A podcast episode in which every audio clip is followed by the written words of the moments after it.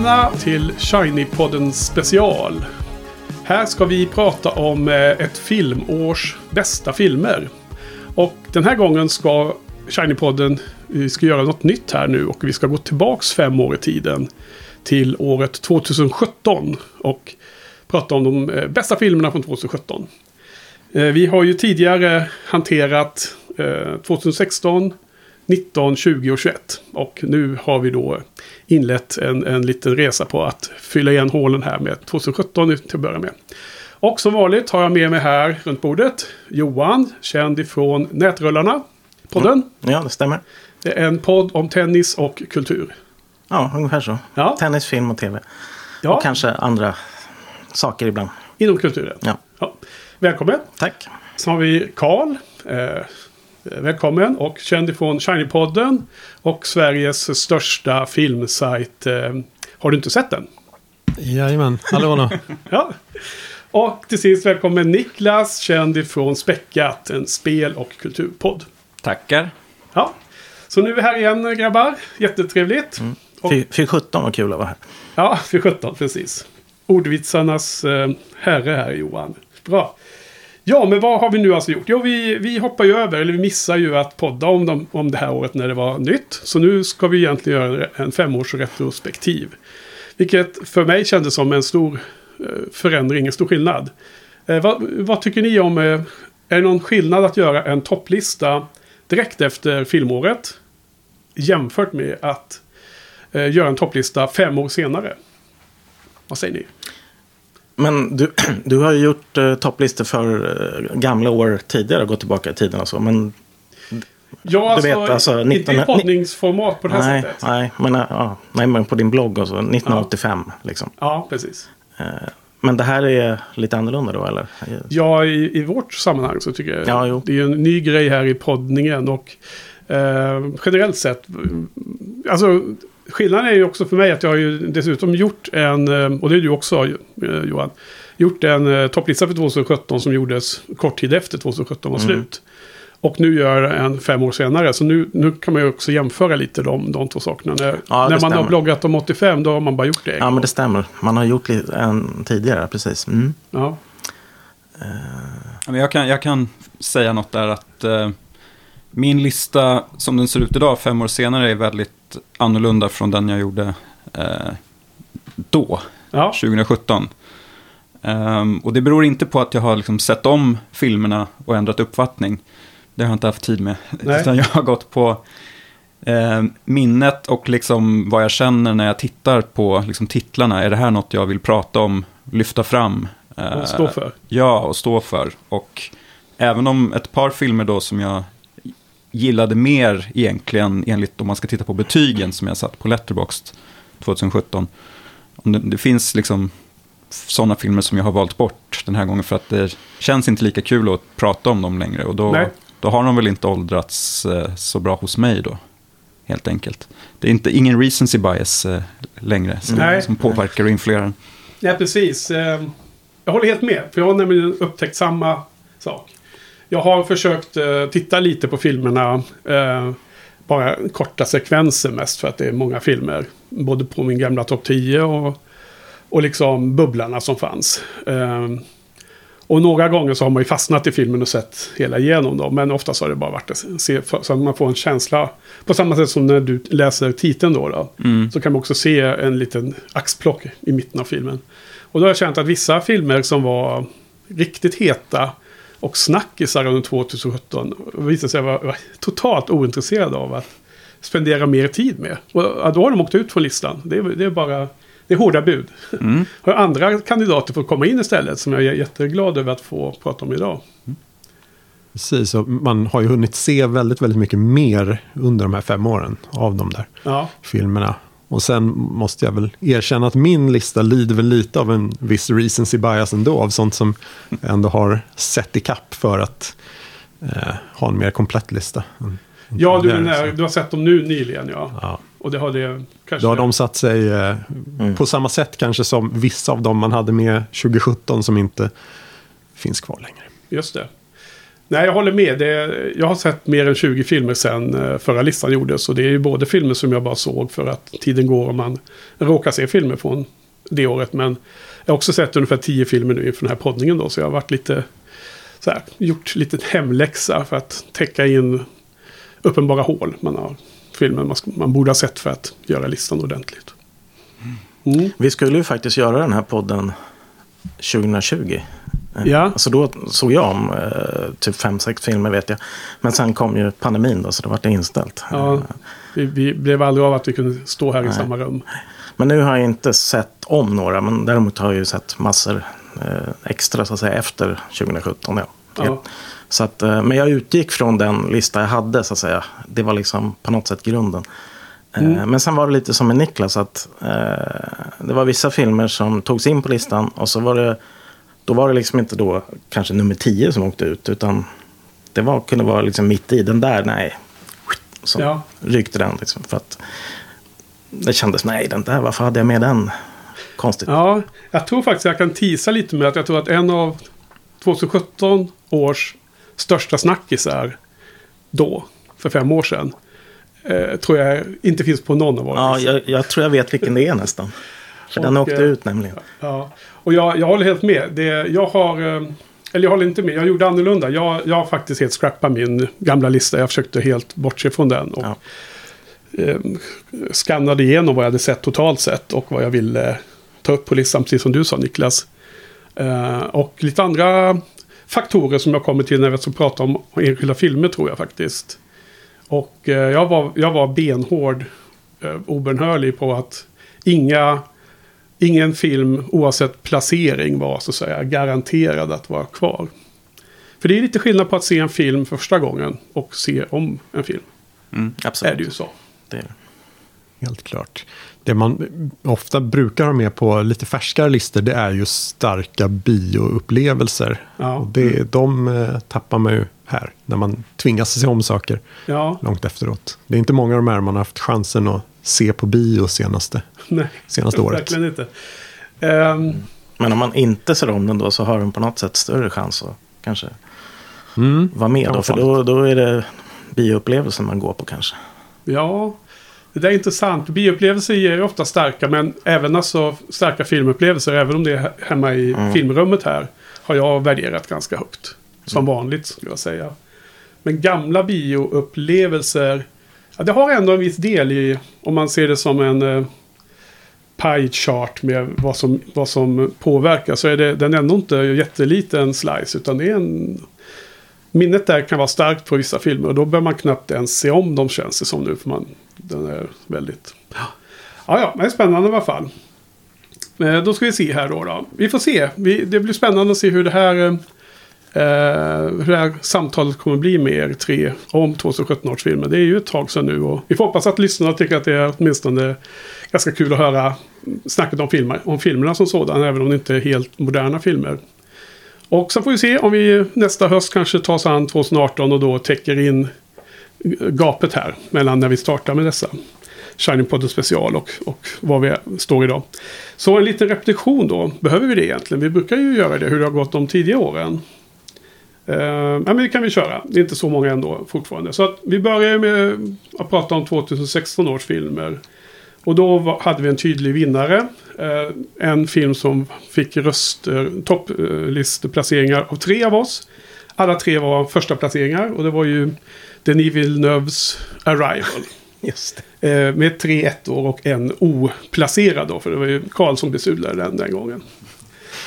Eh, och sen hade vi två, två års eh, paus. Vi var tvungna att vila upp oss och så ändrade vi format. Och det är det formatet som vi fortfarande har idag. Kan vi repetera det? Vilket format är vi kör? Niklas, du vet? Ja, men första delen så kör vi Outliers där vi pratar om filmer som kanske bara jag har på min lista då, till ja. exempel. Och i andra avsnittet så är det Consensus Picks där vi pratar gemensamt en diskussion om en film så att det inte blir så repetitivt. Precis, som det var första året då när vi hade ett helt annat upplägg. Mm. Precis, eh, men då återkom vi sen och pratade nästa gång eh, i början av år 2021. Så... Eh, nej, förlåt, i början av år 2020. Precis innan pandemin startade. Så pratade vi då om år 2019 års bästa filmer. Och då hade vi också en ganska entydig vinnare som också hade då tre stycken röster av fyra. Med, placerings, eh, med placeringarna 2, 2 och 4 väldigt högt upp. Och det var ju Quentin Tarantinos Once Upon a Time in Hollywood. Och då tror jag det var Johan som eh, failade där att få med den. Ja, stämmer. stämmer. Eh, sen ett år senare så var det då 2020 års filmer i fokus. Och då hade vi en film som också fick en trio med placeringar. Det var den här, och det var jag som failade att få med den på min lista. Den här ganska konstiga filmen enligt mig som heter I'm thinking of endings things. Just. Som hade placeringssiffrorna hos er tre 1, 2 och 6. Och sen då i början på sommaren här, det här året, så pratade vi om förra årets filmer 2021. Och då äntligen fick vi för första gången eh, inte bara en utan två filmer som ingick på allas listor. Alltså kvadrupler. Och eh, ganska solklar vinnare var den japanska filmen Drive My Car. Med placeringssiffror 1, 1, 3, 5. Men även Denis Villeneuves Dune fick ju eh, fyra listplaceringar med 2, 4, 8, 10. Klart lägre medel men ändå fyra så det är ju eh, anmärkningsvärt. Så vi får se hur det blir idag då. Mm. Mm. Eh, och första programmet som sagt, eh, Outliers. Bara filmer som endast finns på en av våra listor. Och från placerings 10 upp till 4. Sen gör vi ett break och så eh, vilar vi. Och sen återkommer vi i nästa avsnitt med toppen. Och alla filmer som har minst två eh, är med på två listor. Mm. Så, då. något annat att säga om processen eller något sånt där? Jag kan bara säga att eh, jag tyckte att 2017 var för min del ett väldigt starkt år. Till skillnad från 2016 som jag tyckte var ganska deprimerande. Just det. Eh, filmmässigt. Ja. Och av den anledningen så är det ju tyvärr då inga nya filmer, om man säger 2017, bekantskaper för min del som har tagits in på listan. Utan det är bara filmer som jag såg där och då. Okej. Okay. Um, du har inte sett så många nya sen dess heller kanske? Eller? Nej, alltså jag såg ju mycket mer film då ja. än vad jag gör idag. Generellt? Så, ja, generellt, precis. Ja. Så jag hade, jag hade säkert 50-60 liksom 2017-filmer att välja bland eh, redan. Så, mm. eh, det, var inte, det fanns inget direkt nytt heller som kändes nära faktiskt. Nej. Ja. Karl, har du fått in några nya heta titlar? Men det, det, det sa du redan va? Ja, Recency bias. Precis. Pratar du om. Så det är en hel drös nya. Um, men det, jag hade också rejäla luckor som jag inte hade sett sedan tidigare. Mm. Um, men jag håller med om att det var ett riktigt, riktigt kanonår. Mm. Uh, jag vill dock minnas att då när det begav sig så kändes det som att det saknades lite toppar kanske. Men Eh, det var ändå en sådär 30-40 filmer som lätt skulle kunna vara med på topp 10. Ja. Så det är riktigt, riktigt. Jag håller med. Alltså, jag har ju varit väldigt gnällig på de senaste årens filmskörd. Och det har också varit i samband med att jag själv har sett så himla mycket färre filmer. Så självklart har jag ju då varit sämre på att leta fram de där guldkornen som man förr i tiden hittade på filmfestivaler eller genom att lyssna på filmpoddar och sånt. Mm. Men då på 2017 var det fortfarande så att jag såg mycket, mycket mer film. Och eh, hade minst så många filmer som du nämnde där Niklas. Minst 60 om inte mer då. Och så har jag dessutom sett en hel del mer. Så jag har nya titlar med. Mm, kul. Och Johan du då? Något? Du har haft en del nytt gissar jag, eller? Ja, det har kommit in uh, en del nya. Det mm. har det gjort. Um, så ja, vi får ja. se. Vad spännande. Men nu, då ska vi dra igång hörni. Och vi ska nog börja det här med att eh, spela en låt som är tagen från den första filmen som ska presenteras. En eh, film som ligger på tionde plats hos någon av oss. Och den låten kommer här.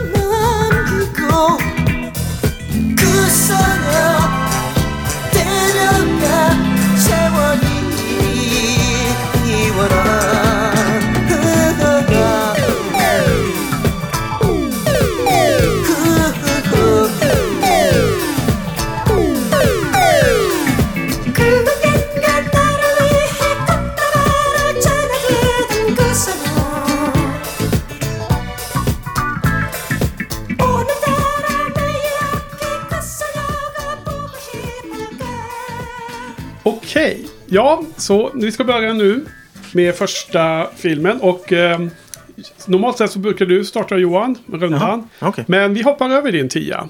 Så den återkommer i senare program. Så den första eh, outliern på tionde placering är ju Karls film. Där den här låten då kommer ifrån också. Så vänligen presentera. Jajamän, jag kan ha skohornat in den här filmen bara för att få med låten. Ja. Men eh, det är ju då eh, koreanska A Taxi Driver av Yang Hun. Med eh, alltid underbara Song Kang-ho i huvudrollen. Och eh, filmen inleds med att han sjunger med den här när han sitter och kör i sin taxi. För han är ju då den eh, taxichauffören det handlar om. Eh, utspelar sig 1980, tror jag. Ehm, är en Boats, så det är baserat på verkliga händelser om eh, en taxichaffis som eh, eh, fick köra ner en tysk journalist till Guangzhou där det var pågående studentuppror som den då aningen eh, diktatoriska regimen höll på att slå ner våldsamt och tysta ner så ingen i resten av, äh, ja, ingen i resten av världen och framförallt inte resten av Korea visste om att det här pågick. Så mm. ska den här tysken smugglas in och äh, visa för världen vad som, vad som händer. Och äh, som... Ja, jag, jag, är ju normalt skeptisk till filmer baserade på verkliga händelser. inte alltid superförtjust i um, sån här... Based on a true story. Mm. Men eh, med Song Kang-ho och lite skön koreansk vinkel på allting så blir det ju lite småroligt längs vägen. Eh, han är ju ja, underbar när han håller på att lura till sig grejer, försöka smita undan ansvar och sen förstås då eh, bli mer och mer medveten om det hela och tycka ja. att det är hemskheter som pågår. Um, Ja. Är det en drama med humorinslag eller är det en komedi? Alltså det, som bygger på tråkiga det, saker eller vad? Um, alltså det, det, är ju lite allt, allt samtidigt. Men, som det brukar vara. Ja, precis. Sydkoreanska ja. filmer. Men, men, det blir ju väldigt, väldigt våldsamt och chockerande. Mm. Och, men det, det hör ju till lite att han är väldigt lättsam från början. Och eh, blir verkligen chockad över vad, vad som pågår. Och ja. det blir man som tittar också. Men det är en ro road, mo road, movie kan man säga? Eh, till viss del, men sen är det mycket när de väl kommer fram och ska hålla på och försöka undvika att bli fångade och allt det Um, också extra uh, touch att det, eftersom det är en tysk och en korean så är mycket av dialogen på engelska uh, extremt knackig engelska, vilket ha, har sin poäng också. Ganska roligt. Mm. Ja, ja, det är en film som jag aldrig hört namnet på ens. Uh, inte jag heller. Nej. Så var inte på min karta. Men, som Kang Ho har man ju ja. hört om. Jag brukar kalla honom för Babyface. Okej, okay, ja, jag känner igen hur jag pratade om men jag kan inte riktigt placera mannen i filmer. Men det, han har säkert setts då. Spelar pappan i Parasite. Ja, okej. Okay. Ja. Hämnarens resa också. Ja. Vad det nu heter. Jag har sett en del koreanska eller, filmer eller? På, på filmfestivalen men inte så eh, high på alla deep cuts Johan. Men eh, Parasite har jag sett i alla fall. Den har vi pratat om här också va? Var det 19 eller något sånt där? Ah, kommer inte mm. ihåg. Även i The Host. Ja, där. just det. Den har inte jag sett ens. Ja, nej men eh, kul. En, eh, eh, som vanligt Karl så har du en del eh, eh ovanliga filmval på listan. Det är alltid kul att få lite nytt. Sen eh, går vi vidare till Niklas. Oj. Och då har vi din tia. Mm. Jag har faktiskt sett den. den var inte med på min tia så att den är en outlier. Och eh, vänligen presentera din nummer 10. Det är ju då den japanska zombiefilmen One Cut of the Dead. Av regissören Shinichiro Ueda. Mm. Det kom en fransk remake nu i dagarna. Som Jaha. jag inte har några planer på att se. Det, jag kan inte tänka mig att fransmännen kan förbättra den här Nej. originalfilmen. Som är så bra. Ett Oscarsvinnande Michel Hassanovicius va? Eh, var han från The Artist? Ja. En föredetting. The Artist måste väl vara en av de sämsta Oscarsfilmerna. Ah, strunt i det. Eh, nej men eh, den här filmen, eh, det är ju som en zombiefilm med en twist kan man säga. Den följer en väldigt tydlig så här, treakts upplägg då.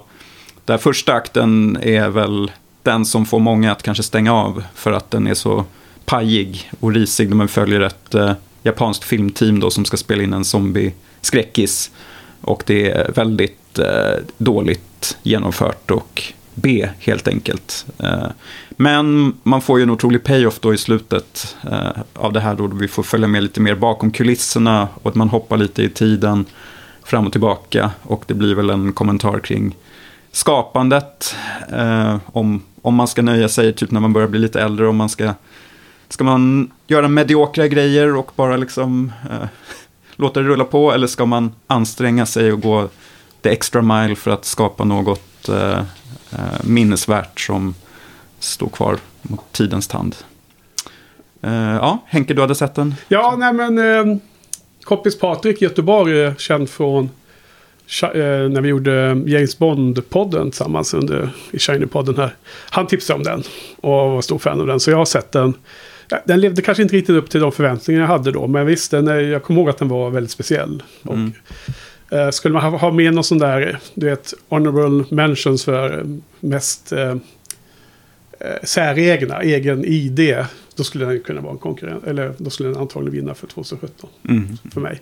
Så jag gillade den. Jag tyckte den var bra. Men det var, det var liksom inte en sån där som kom så högt upp så att jag har den med bland mina personliga favoriter. Mm. Jag har inte sett den. Men jag förstår inte. Är det... Är det en mockumentär eller? Ja, det kan man väl säga. Man, man är ju med lite i...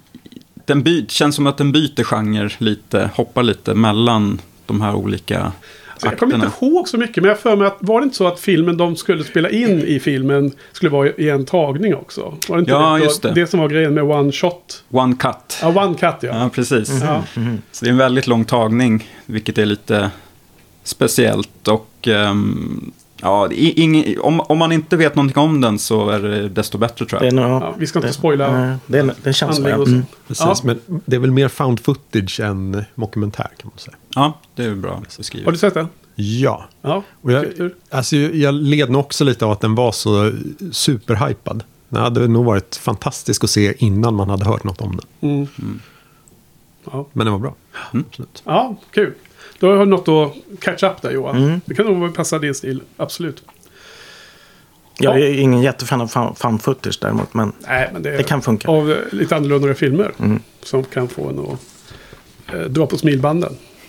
Okej, okay, men nu kommer vi till min nummer 10. Och det är också en outlier, uppenbarligen. Och eh, här hade jag faktiskt en stor battle. Eh, under lång, lång tid, ända fram och över gränsen till att jag messade er och sa att jag var klar med min lista så var det en annan film här på nummer 10. Men sen gjorde jag faktiskt en switcheroo i slutet. Och varför gjorde jag det? Jo men det är för att och det är det jag skulle nu komma till en kommentar angående skillnad mot att göra en eh, topplista precis efter året är slut mot att göra det fem år senare. Det är att man eh, jag har ju så förtvivlat svårt att ibland känna att man prioriterar komedier. Därför att de känns för lättviktiga för att liksom platsa på en topp 10-lista. För man är kanske lite filmnörd eller lite pretentiös eller vad det kan vara. Eller att egentligen att vissa dramafilmer gör så, större, så stort intryck. Men nu har det gått fem år. Och nu har jag en film här som varje gång den går på tv och självvalt flera gånger utöver det sett om. Mm. Och sett den minst fem gånger hela filmen, om inte fler. Och varje gång så älskar jag bara filmen. Och då helt plötsligt inser jag att nu är ju chansen faktiskt att ta upp en sån film. För att det här då blir ju då ett starkt intryck. Bara av att kämpa med tiden. Blir, kalla det för en, eh, vad heter det, guilty pleasure eller så. Men det är komedin Jumanji Welcome to the Jungle. jag sa det. jag tycker det är så jäkla bra. Uh, det är... Uh, ni har säkert alla sett den. Nej. Den med The Rock, Dwayne Johnson, Kevin yeah. Hart, Jack Black, Karen Gillan. Um, Bara sett originalet, alltså Robin ja, Williams-filmen. Ja, 80-90-tal någonting va? 90-tal. Ja. Ja. Jo, precis. Det här är ju, nu är det dataspel istället va. Det var väl något brädspel tror jag. Jag har inte sett den gamla, men det här är ju så jäkla roligt. Och tvåan, uppföljaren är också ganska rolig. Ja, jag, jag håller med. Det, jag, jag tycker de... nog första är bättre ändå. Ja, ja, det, den första är bättre. Ja. Eh, så otroligt skön hur de eh, har skrivit manus och dialogen som spelar på de här fyra karaktärernas pers per, alltså personas. Där de leker med de här olika eh, skådespelarnas eh, image eh, vid sidan av filmerna i den här filmen. De får de olika rollerna där då. Och jag tycker den är så skön. Den är regisserad av någon som heter Jake Kasdan som har gjort ett antal halvbra till bra komedier. Bland annat den här Bad Teacher med Cameron Diaz och även den här Walk Hard, The Dewey Cox Story. Med John C. Reilly som jag tror är lite mer creddig komedi. Jag vet inte tusan. Nej. Har, har, har, du sett, sett den här då?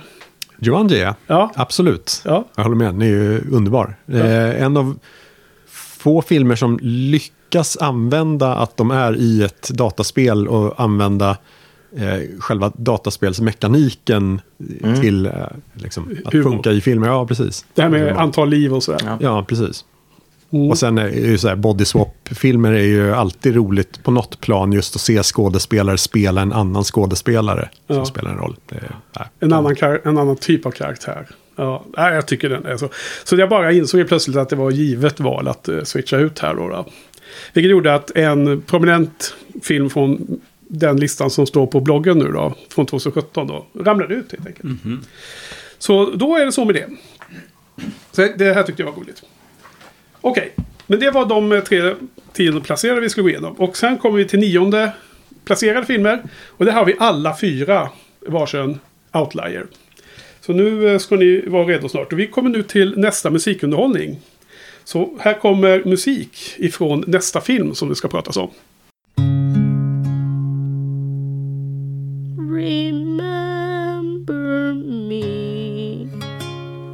Though I have to say goodbye, remember me. Don't let it make you cry, for even if I'm far away, I hold you in my heart. I sing a secret song to you each night we are apart.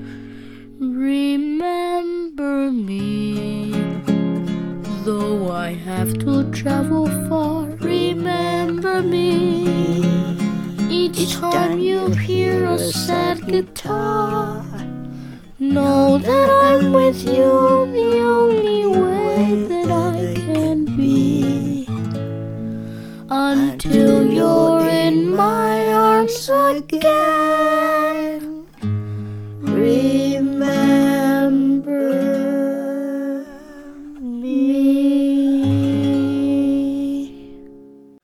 Det din första prat här Johan. Det är nia börjar vi med. Ja, det stämmer. Och det var också en låt från den filmen som du nu ska presentera. Just det. När man hör den i slutet så blir det dammigt i rummet kan jag säga. Ja. Eh, nej, jag hade ju ett Pixar-tema på bloggen för några år sedan. Eh, så då, jag hade ju inte sett en enda Pixar-film i princip. Förutom de jag har sett när vi har varit på Malmö filmdagar. Mm. Så har det dykt upp några. Men så att jag såg alla filmer och den här eh, visade sig vara den jag tyckte bäst om. Och det är Coco. Just det. Eh, och det handlar ju om musik kan man säga i, i Mexiko. Och eh, eh det handlar även om det dödas dag och hur man firar eh, döda i Mexiko så att säga. Och eh, Miguel han vill bli musiker men det är förbjudet i hans familj.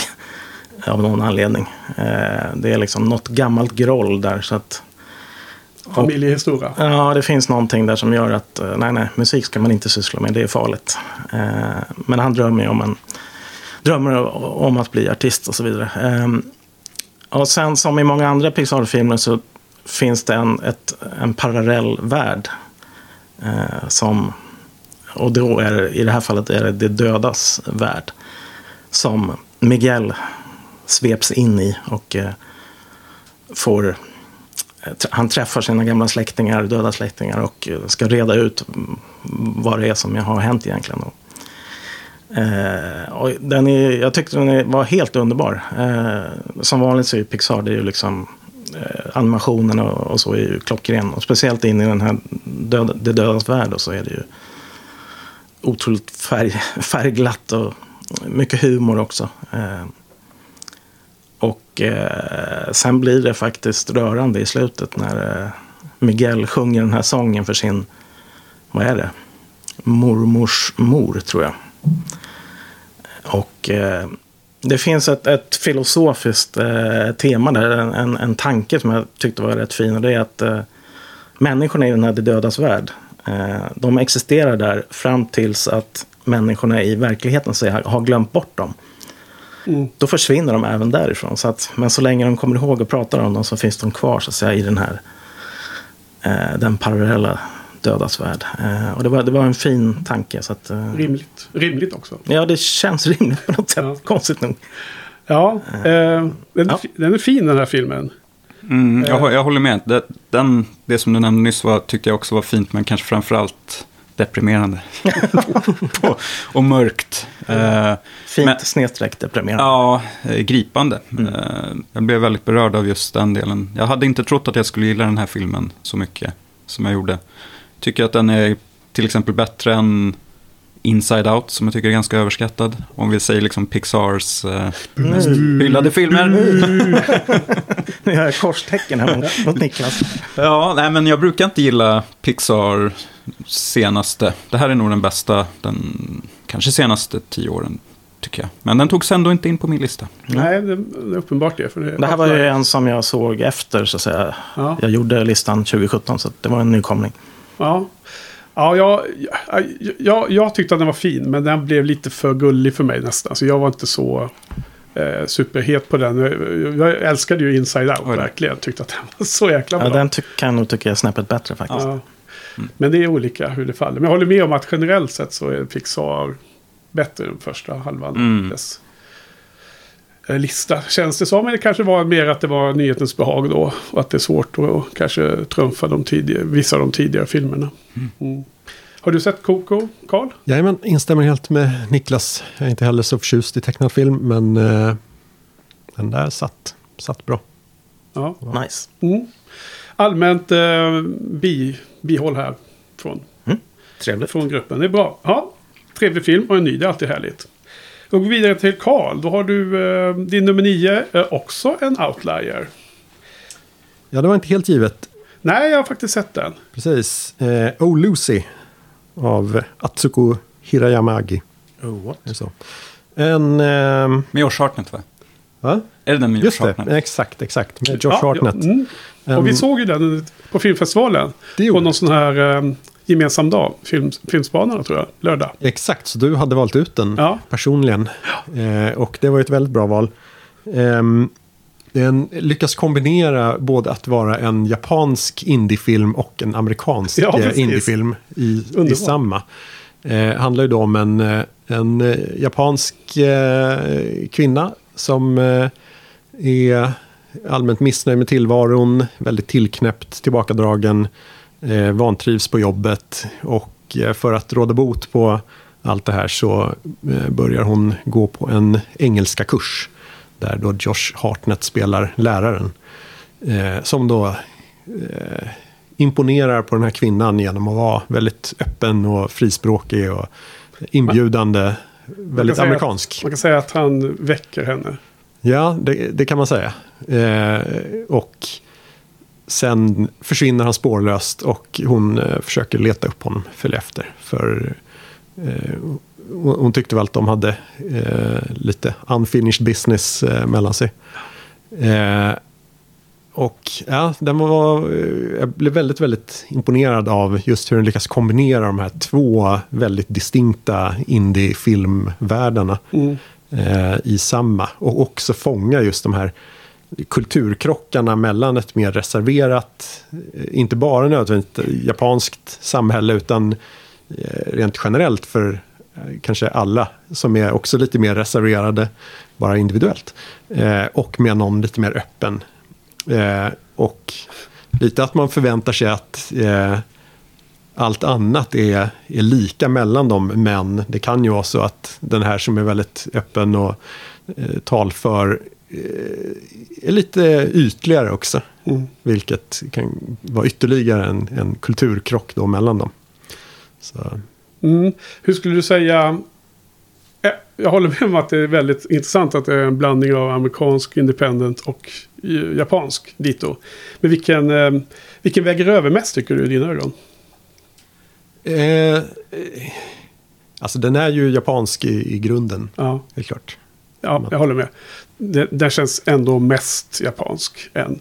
Ja, det, det, är mer en, en betraktelse av den amerikanska kulturen från ett japanskt perspektiv. Ja. Och hur, hur den man kan attraheras av den och bli besviken av den. Mm. Nu missar jag, utspelar den sig i Japan eller i USA? Både och. Ja. Tokyo och i Kalifornien. Mm. Men var du med och såg detta? Nej, jag tror jag spelade lite tennis. Var det inte första filmen? Kan vara. Jo, jag brukar, det var, brukar ofta kan. missa ja. den på lördagar. Ja, eh, vad synd. Och du har inte sett den efter? Nej. nej. Och du då Niklas? Inte sett den, men jag minns att jag blev sugen efter era hyllningar på festivalen. Ja. Eh, men sen var den svår att få tag i och nu hade jag glömt bort den. Ja. Men nu blev jag faktiskt intresserad igen. Ja, och eh, när jag gjorde min process här, eh, de flesta filmerna såg jag bara lite av. Men det var ju fyra filmer totalt sett som jag eh, fastnade i och såg hela filmerna för jag blev så sugen. Och det här var en av dem då. Den kom på min bubblarlista eh, då, 2017. Eh, slogs inte in på topp 10 och nu så var jag nästan säker på att den skulle göra det. Men den slog inte sig in nu heller faktiskt. Av olika skäl. Men den var precis utanför. Ska säga. Ja, det här är ju en av filmerna som jag inte såg om. Så den här mm. går jag bara på gamla, ja. gamla minnen. Ja, och jag måste säga att det kanske blev snäppet, ett snäpp ner lite. Det, det, lite. det var lite nyhetens behag tror jag som man kände då när man såg den första gången. Uh, och... Uh, men den är fortfarande riktigt bra. Alltså, jag, gillar, jag, jag, gillar ofta stämningen i japanska filmer har jag upptäckt de senaste åren. Och framförallt mot moderna japanska filmer. Och eh, det har den här i, i, i massor av. Så att, mm. mycket bra val. Kul att se den på listan där måste jag säga. Egen del. Okej, vi går vidare. Och då är det din nia Niklas. Vi kommer runt varvet här. Och ja, vad har vi där då?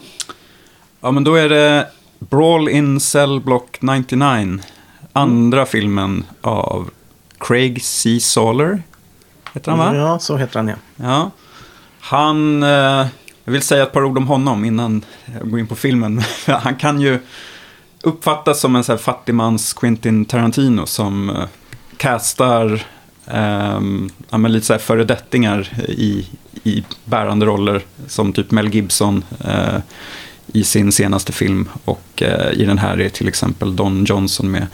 Eh, och han slog igenom i Bone Tomahawk som ah, var den här den våldsamma western. westernskräckisen med Kurt Russell då i huvudrollen. Här har han ju liksom gått in för att göra typ den ultimata fängelsefilmen mm. med en otroligt biffig Vince Vaughn mm. som eh, får skaka galler och eh, många av fångarna där är ju ganska arga på honom eh, och vill döda honom. Men då blir det någon sorts eh, vålds odyssé då genom fängelset där han liksom ska ta sig igenom. De, de andra fångarna vill kramas med honom. Ja, kramas väldigt hårt. Ja. Nej, men ehm, och här kan man väl säga då om man ska fortsätta på det här Tarantino-spåret så, så gör han, mm, Craig C. Soler gör väl, flörtar väl lite med så här grindhouse-estetik. Med, det är ju väldigt överdrivet våld och splatter och ganska så här mycket praktiska effekter som ser väldigt fejkade ut. Alltså Ja. medvetet dåliga effekter. det, ja, precis. Eh, och musiken är ju eh, sånt som Jojje gillar. Eh, jag vet inte hur det skulle beskriva. Det är väl lite funk och lite så här Shaft-aktig musik i den Har, här. har du sett den här Johan? Ja, Ja. jag älskar den. den. Men mu- musiken minns du inte kanske? ja, just musiken minns jag faktiskt inte. Vad konstigt. Ja, får lyssna om på soundtracket. Men, Det eh, låter ju underbart. Ja, Och, och att man kan se om den och, också då. Och liksom njuta av musiken. Om inte precis. njuter av annat. Precis. Ehm, en, något som går som en eh, liksom röd tråd genom hans filmer är att de all, alla är väldigt långa.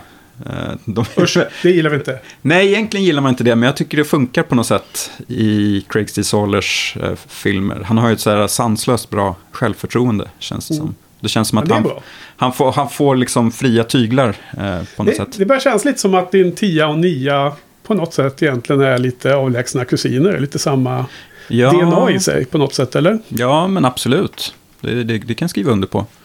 Ja, men liksom så här utdragna scener, för det var något som jag hade hört innan om Brawl in Cell Block 99, att eh, den var ganska långsam. Eh, så jag var väl förberedd på det.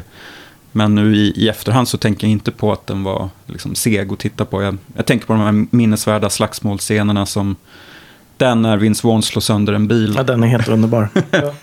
innan han åker in i finkan då. Eh, och eh, ja, våldet är ju väldigt närvarande. Det finns ju väldigt råa scener, precis som i Bone, Tomahawk. Mm. Eh, och kul också med Vince Vaughn i en sån Mm. otypisk roll för honom.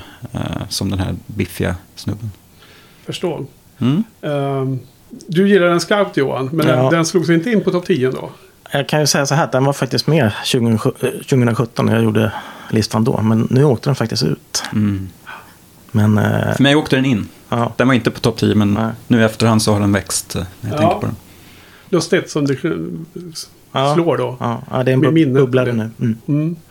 Du då Karl, har du sett den? Det har jag.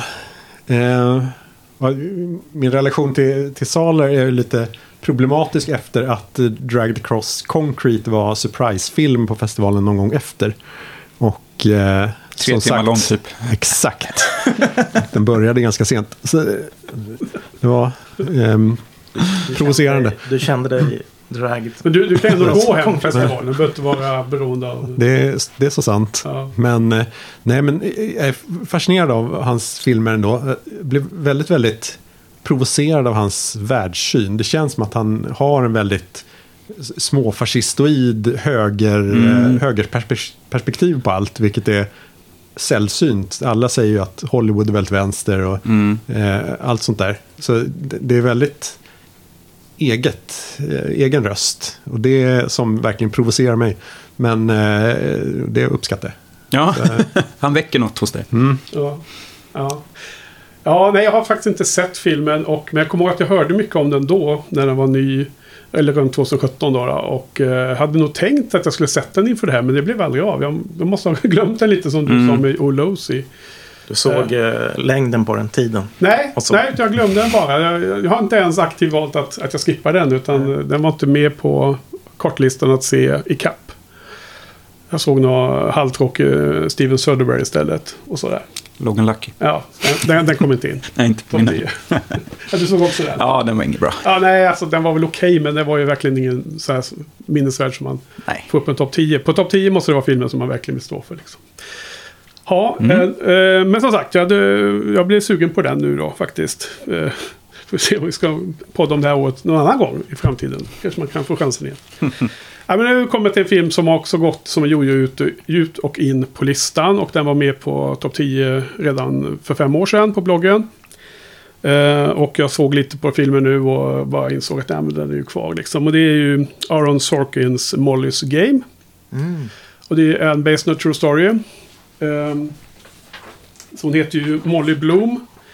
Är, eh, var ju eh, på hög elitnivå sån här eh, alp, alpinist. Alltså åkte, vad heter det? Snowboard. Nej, inte snowboard, men åkte... Utförsåkning? Nej. Ja, med slalomskidor, men Puckelpist. puckelpist. Man gör volter och sånt. Ja, just man åker det med, med, skidor. Men eh, i OS och sånt. Och hennes bror är ju väl väldigt eh, framträdande inom den sporten också. Men hon blev ju skadad och eh, hamnade i LA och hamnade via de här bananskalen. Det här är ju, det här är ju en biografisk bok som man har filmatiserat. Och så är det Aaron Sorkins grymma eh, dialog.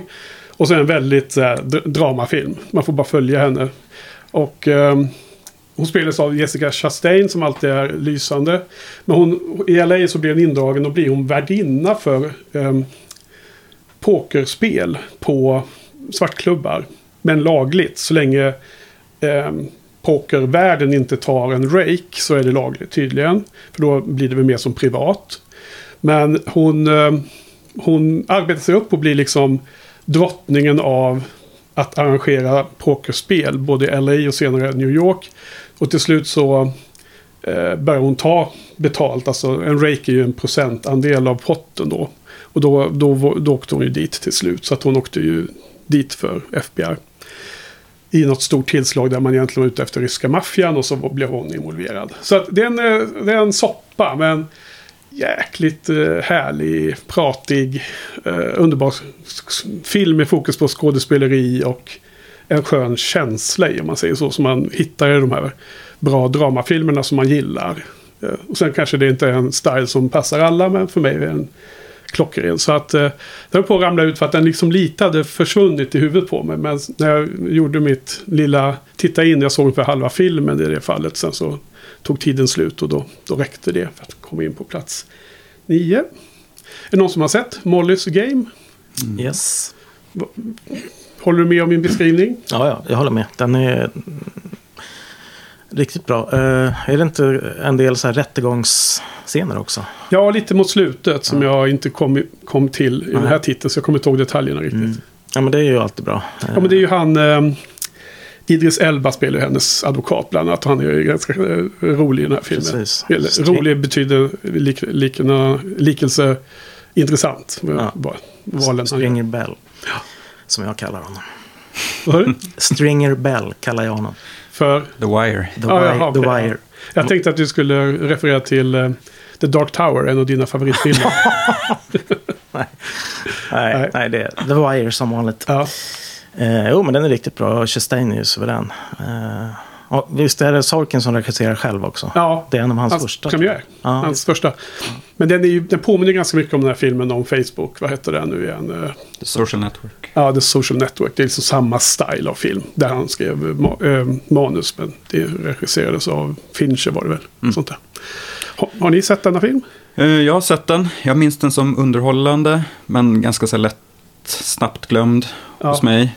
Det, det som har fastnat är när hon spelar eh, kort då på ett hotellrum med Michael Cera tror jag. Ja. Eh, och jag för mig att han ska vara, i verkliga livet då så var det typ Toby Maguire som var den här det. eh, kortspelaren då som tydligen skulle vara ett riktigt as. Ja. Inte precis. så snäll som han är i Spider-Man-filmerna. Nej, jag... eh, Michael Cera är ju en stor roll i den här filmen. Och han är ju den kända skådespelaren som, Mm, som är motorn i hela den här eh, grejen som hon blir involverad i. Och jag har aldrig förstått vem det är. Så jag har inte efterforskat det. Men det är ju intressant att få höra att det skulle vara Tobey Maguire. Ja, jag har hört. Det. Eh, Så han är väl känd nog för att passa in i beskrivningen där. För det är, det är många som då dras till det här spelet bara för att det är en kändis som är liksom den egentliga världen om man säger så. Hon är ju mest eh, administratör och sköter pengarna och Mm. skö- sköter allt, allt runt omkring. Du då Karl, har du sett detta? Jag förskökte men jag har inget tålamod för Aaron Sorkin. Nej, Eh, det är inte ditt. Kom inte igenom. Det är för Inte din snackigt. snackigt. Ja. Nej, men det är lustigt så, så, så som det kan bli.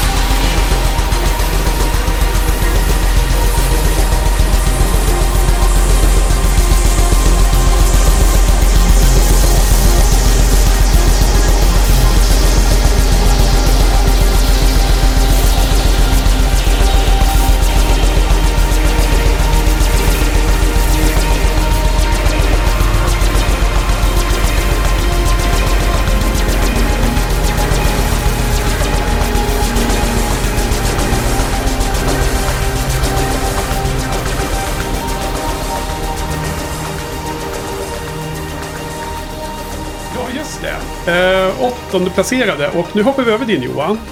Och vi hoppar över din Karl. Ovanligt för att vara den här undre halvan hoppa över dina. Kan jag säga. Så vi kommer till Niklas. Är det du som ska pre presentera nästa film där den här musiken kommer ifrån? Are you ready for a good time? Safety-brödernas genombrott, Good time. Mm. Med han eh, från Twilight. Ja, och det här var väl en av de filmerna som ja, men liksom underströk att Robert Pattinson var någon att räkna med nu liksom efter hela Twilight-sagan var avslutad. Ja. Han, eh, han väljer ju sina projekt med omsorg. Uh, och än så länge så lyckas han ju verkligen balansera det med liksom storfilmer som The Batman med liksom smalare, kreddigare projekt. Och Good, Good Time då. Som Good Time. Som Good Time. Ja. Uh, som är ju en väldigt så indie, indiefilm helt enkelt. Med, som väl är en sån här som utspelas under en natt, tror jag. Mm. Jag tar från minnet, men det verkar stämma. Um, och hysterisk då, som, de, väldigt som hysterisk. De, de ska vara. Ja, från de här bröderna. Ja, men precis. Um, och jag tror att den ena Safety-brodern, om inte båda, medverkar också i, i filmen. Um, men det handlar väl om att han, eh, Robert Pattinson uh, och... Är det hans brorsa eller hans kompis? Benny. Ja, brorsan. Ja. Brorsa i filmen som... som uh, som han ger dåliga råd till hela tiden. Liksom. Och eh, han är väl ingen, ingen bra person. Och de sätter sig i skiten och blir jagade eh, liksom, över stan då, under den här natten. Och eh, det är väl en, liksom en spirituell föregångare till eh, Uncut Gems som många av oss hade med på listan det året, den med Adam Sandler. Eh, den filmen är ju bättre, tycker jag. Men samtidigt så fick man ju här verkligen se vad de var kapabla till och visade liksom att de hade en egen stil. Jag tycker den, den sticker ut på ett bra sätt. Har du sett den Henke? Nej, men jag har inte sett den. Men jag, jag trodde att ni två hade sett den här. Mm, jag har sett den. Den uh, är väldigt nära att komma med faktiskt. Mm. Typ topp 15 eller något sånt där tror jag. Men det, ja. det, det, det, känns som att när vi pratar om den andra filmen av bröderna, mm. vad det nu hette, Uncut Gems. Gems mm. Som vi pratade om någon av de andra eh, Shining-podden special. Mm. Så var ni väldigt lyriska allihopa och ni hänvisar till den här filmen en del allihopa. Absolut. Det hade lätt kunnat vara med på topp 10 för mig också. Mm. Underbar. Underbar eh, Eh, han är verkligen en fantastisk rollfigur. Robert Pattinsons eh, han bara sprider kaos runt sig. Förstör livet för alla, helt omedveten om vad han håller på med. Ja. Bara ingen... Nej, han är riktigt underbart hemsk. Ja. Det låter som en otrevlig film på något sätt. Ska, det vara, ska man få liksom eh, ont i magen när man ser den? Eller? Ja, den är lite stresspåslag, ja. precis som en Cut Gems äh, ända till slutet. Liksom. Mm. Så inget man ska se om man känner sig orolig äh, innan. Ja, men det var ungefär samma snack som det var på ja. Cut Gems, va? Ja, precis. Ja, för den har jag sett bara för att jag förstod att det skulle vara snack om den, men den här har jag inte mm. plockat upp. Jag såg om den ganska nyligen, mm. i år. Håller? Absolut. Mm. Ja. Och du, ni gillar den allihopa, men också missade då det var ett starkt år helt enkelt. Bubblare. Missade knappt listan, ja. Ja. Ja, och till vilka är det du rekommenderar filmen i första hand då? Är det filmnördar mer eller är det casual viewers? Ja, det är nog inte casual viewers, Nej. Eh, tror jag. Det, det... det, kan ju vara en inkörsport till eh, bättre, ännu bättre grejer. Alltså för Heroin. De, eh, typ, eller? ja, om man är lagd åt det hållet ja. så. Nej, men jag tänker Robert I filmens värld. Ja, det måste ju vara många Robert Pattisons, eller Twilight-fans som har sett de här filmerna lite på chans att Robert Pattinson är med och sen inte riktigt vetat vad de gett sig in på. Det är kanske är en, eh, en sån här romantisk eh, drama. Ja, Good Time låter ja. som en skön romantisk komedi. Men It's a bad time för uh, många. Ja, utan att ha sett det så kan vi gissa att det inte riktigt är samma crowd som går och ser Jumanji, Welcome to the Jungle. Va? Nej, det tror jag inte om man inte har väldigt bred smak. Ja. Men samma som ser uh, Brawlin Cellblock 99. Det tror jag definitivt. Ah, okay. De, det finns ett sammanhang här bland mina filmer, känns det mm. Ja, vi kanske ska sammanfatta i slutet med lite teman och så. Det finns ja. röda trådar i era listor. Okej, okay, men vi ska gå vidare eller? Vi kan gå vidare. Ja. Då kommer vi till min nummer åtta. Och eh, det är en, en, film som jag har sett efter förra listan. Och därmed så är den nu helt ny på listan. Och det är filmen Only the Brave. Mm. Som är gjord av Josef Kosinski. Och han har ju... Det är hans tredje film bara. Men han har gjort eh, nyinspelning av Tron. Han har gjort Oblivion. En science fiction med Tom Cruise. Som jag tyckte var riktigt bra. Och sen har han ju också efter den här har han gjort Top Gun Maverick från i år. Så att det är ganska kända titlar allihopa. Och det är också en based on a true story. Eh, det är Josh Brolin och Miles Teller i huvudrollen. Och jag tror du har sett den Johan? Mm, jag har sett den. Mm. Har ni sett den? Ja, jag såg den faktiskt inför. Ja, eh, just det. Men tog sig inte in. Bli spännande att höra vad ni tyckte ändå om och så. Men, men jag tyckte i alla fall... Har du sett den Karl? Inte hört talas om. Nej, okej. Ja, men det, är- det är ju en uh, sann historia som jag, jag har läst på ganska mycket på nätet efteråt. För att jag blev så väldigt nyfiken över det här. Vad som hade hänt. Och det verkar som att den är tämligen nära vad som hände. Eh, med alla, alla små saker. Att självklart har man dragit ihop tidslinjer och lite sådär. Allting är ju, är ju liksom en filmformat ändå. Men det handlar väl om i sydvästra USA där det har väldigt mycket skogsbränder. Eller som det är där då ute i öknen. Bushfires eller i de här bergslandskapen typ i Arizona och Utah, de här områdena. Och eh, då har man i USA ett antal, man har ju brandkåren då, dels brandkår som jobbar i städerna med vanliga byggnader, som, som brandkår som vi har. Men så har man en specif, speciell brandkår som jobbar ute i vildmarken och i skog också, skogsbränder. Och då har de ett antal team runt om i landet som är de bästa och de bästa som åker runt och jobbar på de värsta ställen, de värsta skogsbränderna.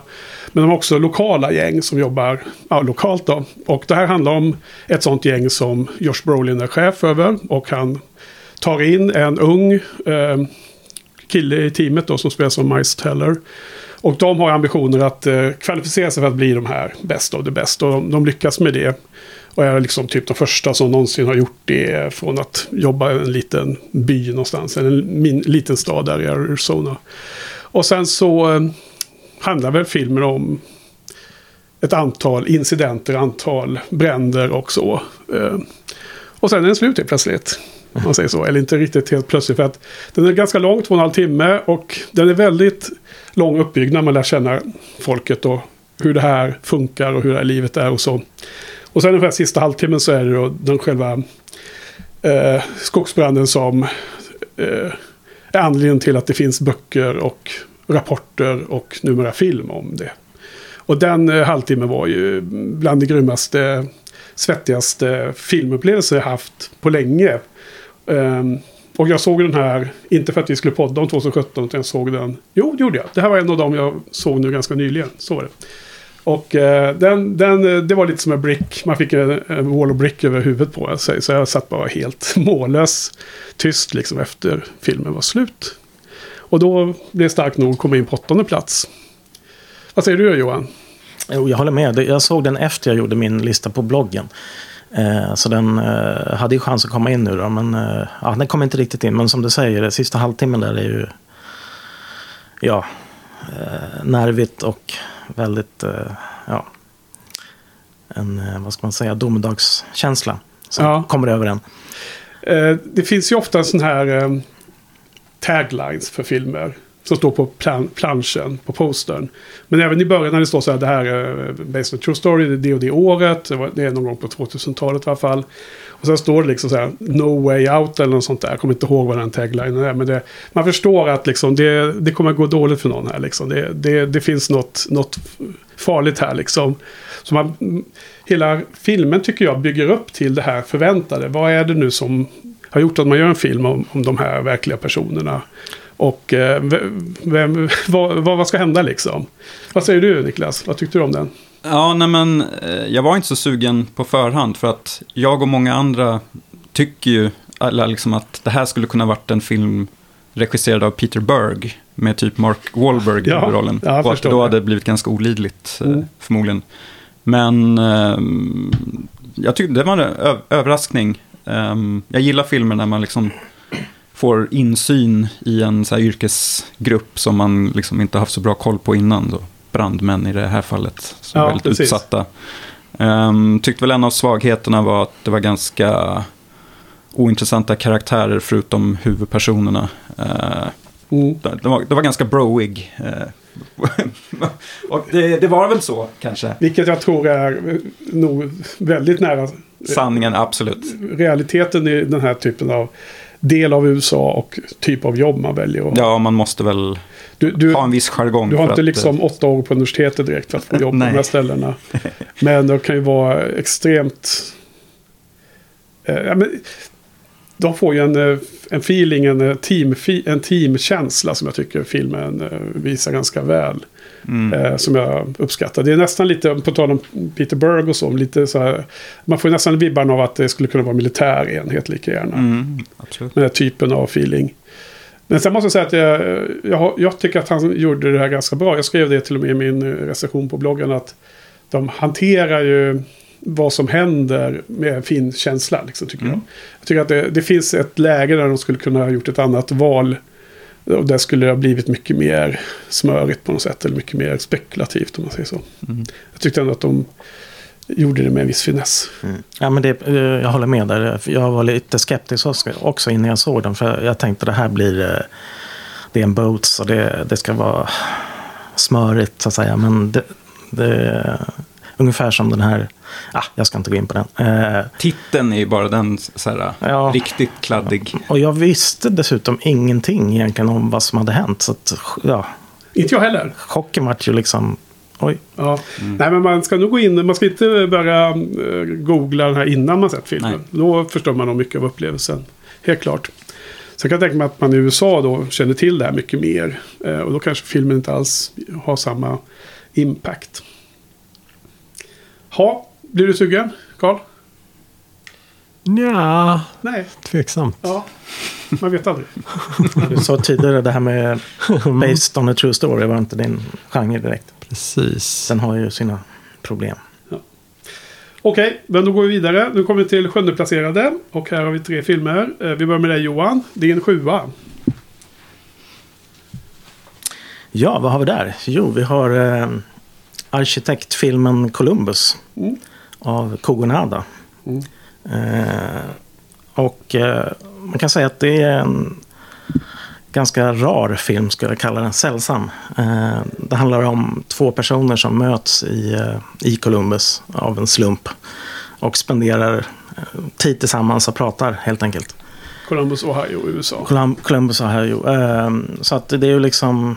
Det är en sån här film där staden har en sorts huvudroll också. Eh, de går runt ehm, och tittar på olika byggnader. Eh, jag vet inte då, hur den här Columbus eh, kom till egentligen. Men de gjorde någon satsning där de satsade på att ta in kända arkitekter och finska bland annat. Eh, så att det är en speciell stil på byggnaden där. Jag läste på där att, eh, för jag har sett den här och att man, det var någon sån här typ kommunfullmäktige som bara bestämde att nu ska vi göra så här. Alltså, som, var, var, som brann för det och hade pengar tror jag också som de sköt in i det här. Och så byggde de ma- massor med sådana här stadens byggnader. Typ bibliotek, skolor, Precis. kyrka, någon sån här Ja. kommunhus och så här. I, av av så här värsta top, top of the line Ja. arkitekter. Ja. Eh, ja, huvudrollen, spe- huvudrollen spelas av eh, John Cho och eh, Hailey Lou Richards, Richardson heter hon. Eh, förresten är det inte Columbus, Indiana? Jo. Eller Indiana. Ja, för det står här i mina anteckningar Ja, att det är det. okej. Sorry. Fel av mig där. Ja. Eh, ja, men det är en jättefin film helt enkelt. Och det är en sån här film som du... Den är meditativ skulle jag kalla den. Så du får ju liksom inte sitta med mobilen och fippla eller... Men om man, när man väl liksom sjunker in i filmen så är den väldigt skön att se på så att säga. Eh, jag har inte sett en annan film av Kogonada. Eh, han är väl ganska ny. Han har gjort en After Young. Ja, Just det. som jag hade med på min lista Mm. här nu senast. Sen vet jag att han har gjort en hel del såna här YouTube-SR. Eller liksom där han har pratat om film, andra filmer. Eh, som man kanske kan rekommendera. Är det något du har sett Karl? Eller? Nej. Nej. Men har du sett Columbus? Ja. Jag blev lite besviken. Det blev det. Ja, det, ja. Jag, jag skyller lite på Mark Cousins. Visst heter han så? Filmvetaren. Irländaren. Ja, precis. Han eh, gjorde ju någon eh, film om Stockholm där han eh, beta igenom en massa arkitektur här. Och det är en av de sämsta filmer som finns. Jag har lite saboterat all, hela konceptet med arkitektur på, på film. Är det där med Nenne Cherry? Ja, precis. Går runt i Stockholm. Ja, herrejösses. Eh, och det blir lite... Ja, den avslöjar lite hur platt det blir att försöka bara snacka arkitektur på film. Så det, det måste upplevas på plats för att man ska få sammanhanget. Så, ja. Vet du vad jag gjorde dagen efter jag hade sett den? Ja. Då gick jag runt i Stockholm och fotade och tittade på olika arkitekter. Jag blev ja. inspirerad. Wow, sorry. Ja, alltså. Eh, jag, jag så har sett den och den var bubblare för fem år sedan. Och jag var nästan säker på att den skulle komma in på listan nu i år. Men sen blev det andra filmer som kom före precis Johan. Sen är ytterligare en bubblare som du har träffat in där. Jag tycker att det, arkitekturen finns ju där och det är liksom en slags kontext och en ram till handlingen. Men det handlar ju om eh, killens far eh, blir sjuk och mm. dör och eh, tjejen handlar ju om, alltså det handlar ju om sorg, sorgarbete och det handlar om längtan. Hon är ju liksom fast i en slags situation med en, en mor som behöver henne. Och, och hon behöver liksom vara kvar i livet och kan inte bryta sig loss och åka iväg till college och leva det vanliga glada livet som hennes eh, kom, för detta kompisar så höll på med. Så jag tycker att det där med det är liksom inte det primära för mig att det är en film om arkitektur. Det, det, det är snarare att det är ungefär som en Woody Allen-film som karaktärerna går och pratar om sina personliga kärleksproblem inne på eh, Moderna Museet så är det inte en museifilm utan då handlar det om en film om sina privata kärleksbekymmer. Liksom. Så, så på det sättet så Ja, jag, jag tycker att den, den, jag relaterar väldigt mycket till ja. de här karaktärerna. Absolut. Jag misstänk, misstänker att i den där Stockholm, då är det liksom Cherry bara som går runt. Och det finns ingen handling egentligen. Men här är det ju liksom ja. just hur de pratar och diskuterar och vad de, hur de kommer samman så att säga. Ja. Ja, jag håller med om att den, den biten är ju mysig. De är ju fina så. Så den, den biten är bra. Det är bara att då det är inte hela filmen. Mm. Nej, men det var ytterligare en sån där som var svårt att uh, välja ut här till slut. Men det är några andra som har kommit in helt, helt enkelt fick högre prio. Så det blev så. Mm. Men en bra val. Mm. Och du hade inte sett den? Jag har sett den, men ja. uh, den var inte... Du satt och fipplade med mobilen. Ja, det var något sånt. Nej, men, men den, men det är en uh, sån långsam film. Man måste komma in i, i, i stämningen tror jag. 100%. Ja, den, den var bra, men höll inte för hypen, tyckte jag. Det var må många som jag följer på Letterboxd och sånt som hade tagit i mm. från tårna. Ja, men det är, det är ett stort problem. Det är den här... David Ehrlich, eller vad han heter. Um, oket av att ha för höga förväntningar, det är, kan vara väldigt ofta svårt att slå. Mm. Mm. Men i alla fall en film som alla har sett, då. det är ju härligt. Mm. Då går vi vidare till nästa sjua. Och det är du, Carl, igen, som ska presentera din eh, sjunde placerare på årets lista om 2017. Jajamän, vi stannar i Asien. Eh, det är Radiance av eh, Naomi Kawase. Eh, nej. Nej, inte. nej, aldrig hört namnet. Nej, en... Eh, japansk film. En japansk film, precis. Om en eh, person som eh, syntolkar film. Eh, alltså försöker beskriva i text vad som visas på filmen. Eh, och Eh, hon bondar lite med en för detta fotograf som håller på att bli blind. Eh, och där finns det ju förstås en väldig symbolik mm. i det där. Eh, och eh, en stor del av filmen blir ju då en någon sorts eh, diskussion om hur eh, kan man beskriva synintryck på ett korrekt sätt. Vilka adjektiv kan användas för att beskriva någonting för att man ska få rätt känsla i vad man faktiskt ser för någonting. Så det är väldigt mycket om eh, bara eh, film, filmkonsten som sådan, att fånga saker visuellt. Eh, och eh, Naomi Kawase eh, har ju ofta lite problem med att hon är väldigt eh, övertydlig, on the nose, väldigt Eh, det, det, det, kan bli väldigt, väldigt pajigt eh, när hon skriver för mycket. Men hon har också en fantastisk visuell känsla. Så det blir väldigt, väldigt snyggt här. Väldigt många eh, närbilder, väldigt mycket motljus på sätt som man inte har sett så mycket från andra. Mm. Och så blir det då en, en, eh, också en fin relation mellan de här personerna. Mm. Och väldigt spännande ämne. Var det något du såg nu nyligen eller? Nej, den här har jag inte heller sett om sedan Nej. dess. Mm. Var det en Stockholm Filmfestival-film eller? Jag Känns som det. vet faktiskt inte. Eh, den gick upp på eh, reguljär bio. Det Aha. vet jag. Även om det var på Sita. Men eh, den gick upp i alla fall. Mm. Mm. Jag får, får vi nästan lite att stå och drömma tillbaka om Drive My Car. Men, men en sån... Det kanske ja, finns... Det finns väl beröringspunkter kanske. Beröringspunkter men det var inte alls i den nivån gissar jag. Nej, absolut inte.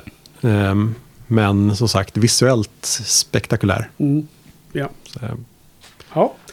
Ingen mer hade sett det. Jag hade aldrig hört om det. Nej, Nej. inte jag heller. Eh, tack för det Karl. Du överraskar lite med titlar som kan eh, hjälpa lyssnarna att få nya filmtips. Ja, det är det jag är här för. Ja. Och då kommer vi vidare till dig Niklas och din sjua. Var du ensamma om. Det var lite av en snackis tror jag. Den var kontroversiell. Ja. Um, Darren Aronofskys Mother. Ah. Utropstecken. Jag gillar ju den här Darren Aronofsky mer eh, än när han ska fiska efter Oscar i typ The Wrestler. Och eh, misstänker okay. att det är det i den kommande Brandon Fraser-filmen The, The Whaler? Whale? The Whale. The Whale. Ja. Om den här tjocka gubben. Men såg ni inte eh, jublet han fick där med någon visning? Som var på? Jo, men det är många som får sådana. Ja. Det kan det. Nej, men jag, ja. Eller Nej, men jag gillar Brandon Fraser så jag Fraser, unnar honom det absolut. Gråta. Du såg det. Jag såg det. Ja. Jag grät lite också. Ja. Kanske. Men Mother eh, är ju ingen så här snyftare på det sättet. Det är ju mer en kanske väldigt så här en home invasion-film där Jennifer Lawrence ja. och hennes make spelad av Tappar jag namnet? Är det Javier Bardem? Javier Bardem, precis. Har du sett filmen Johan? Ja. Ja, ja. Um, att de, de ska bjuda in till, de bor på ett hus ute på vischan och ska bjuda in till någon form av middag har jag för mig. Parmiddag. Och så börjar det komma massa konstiga typer uh, och tränga sig på som är väldigt uh, påfrestande och uh, ja, det blir en, gradvis så trappas det här upp och blir väldigt hotfull stämning. Mm -hmm. Det spårar ju något oerhört. Uh, På tal om din röda tråd alltså. Ja. Det, det eskalerar. Det eskalerar, minst sagt.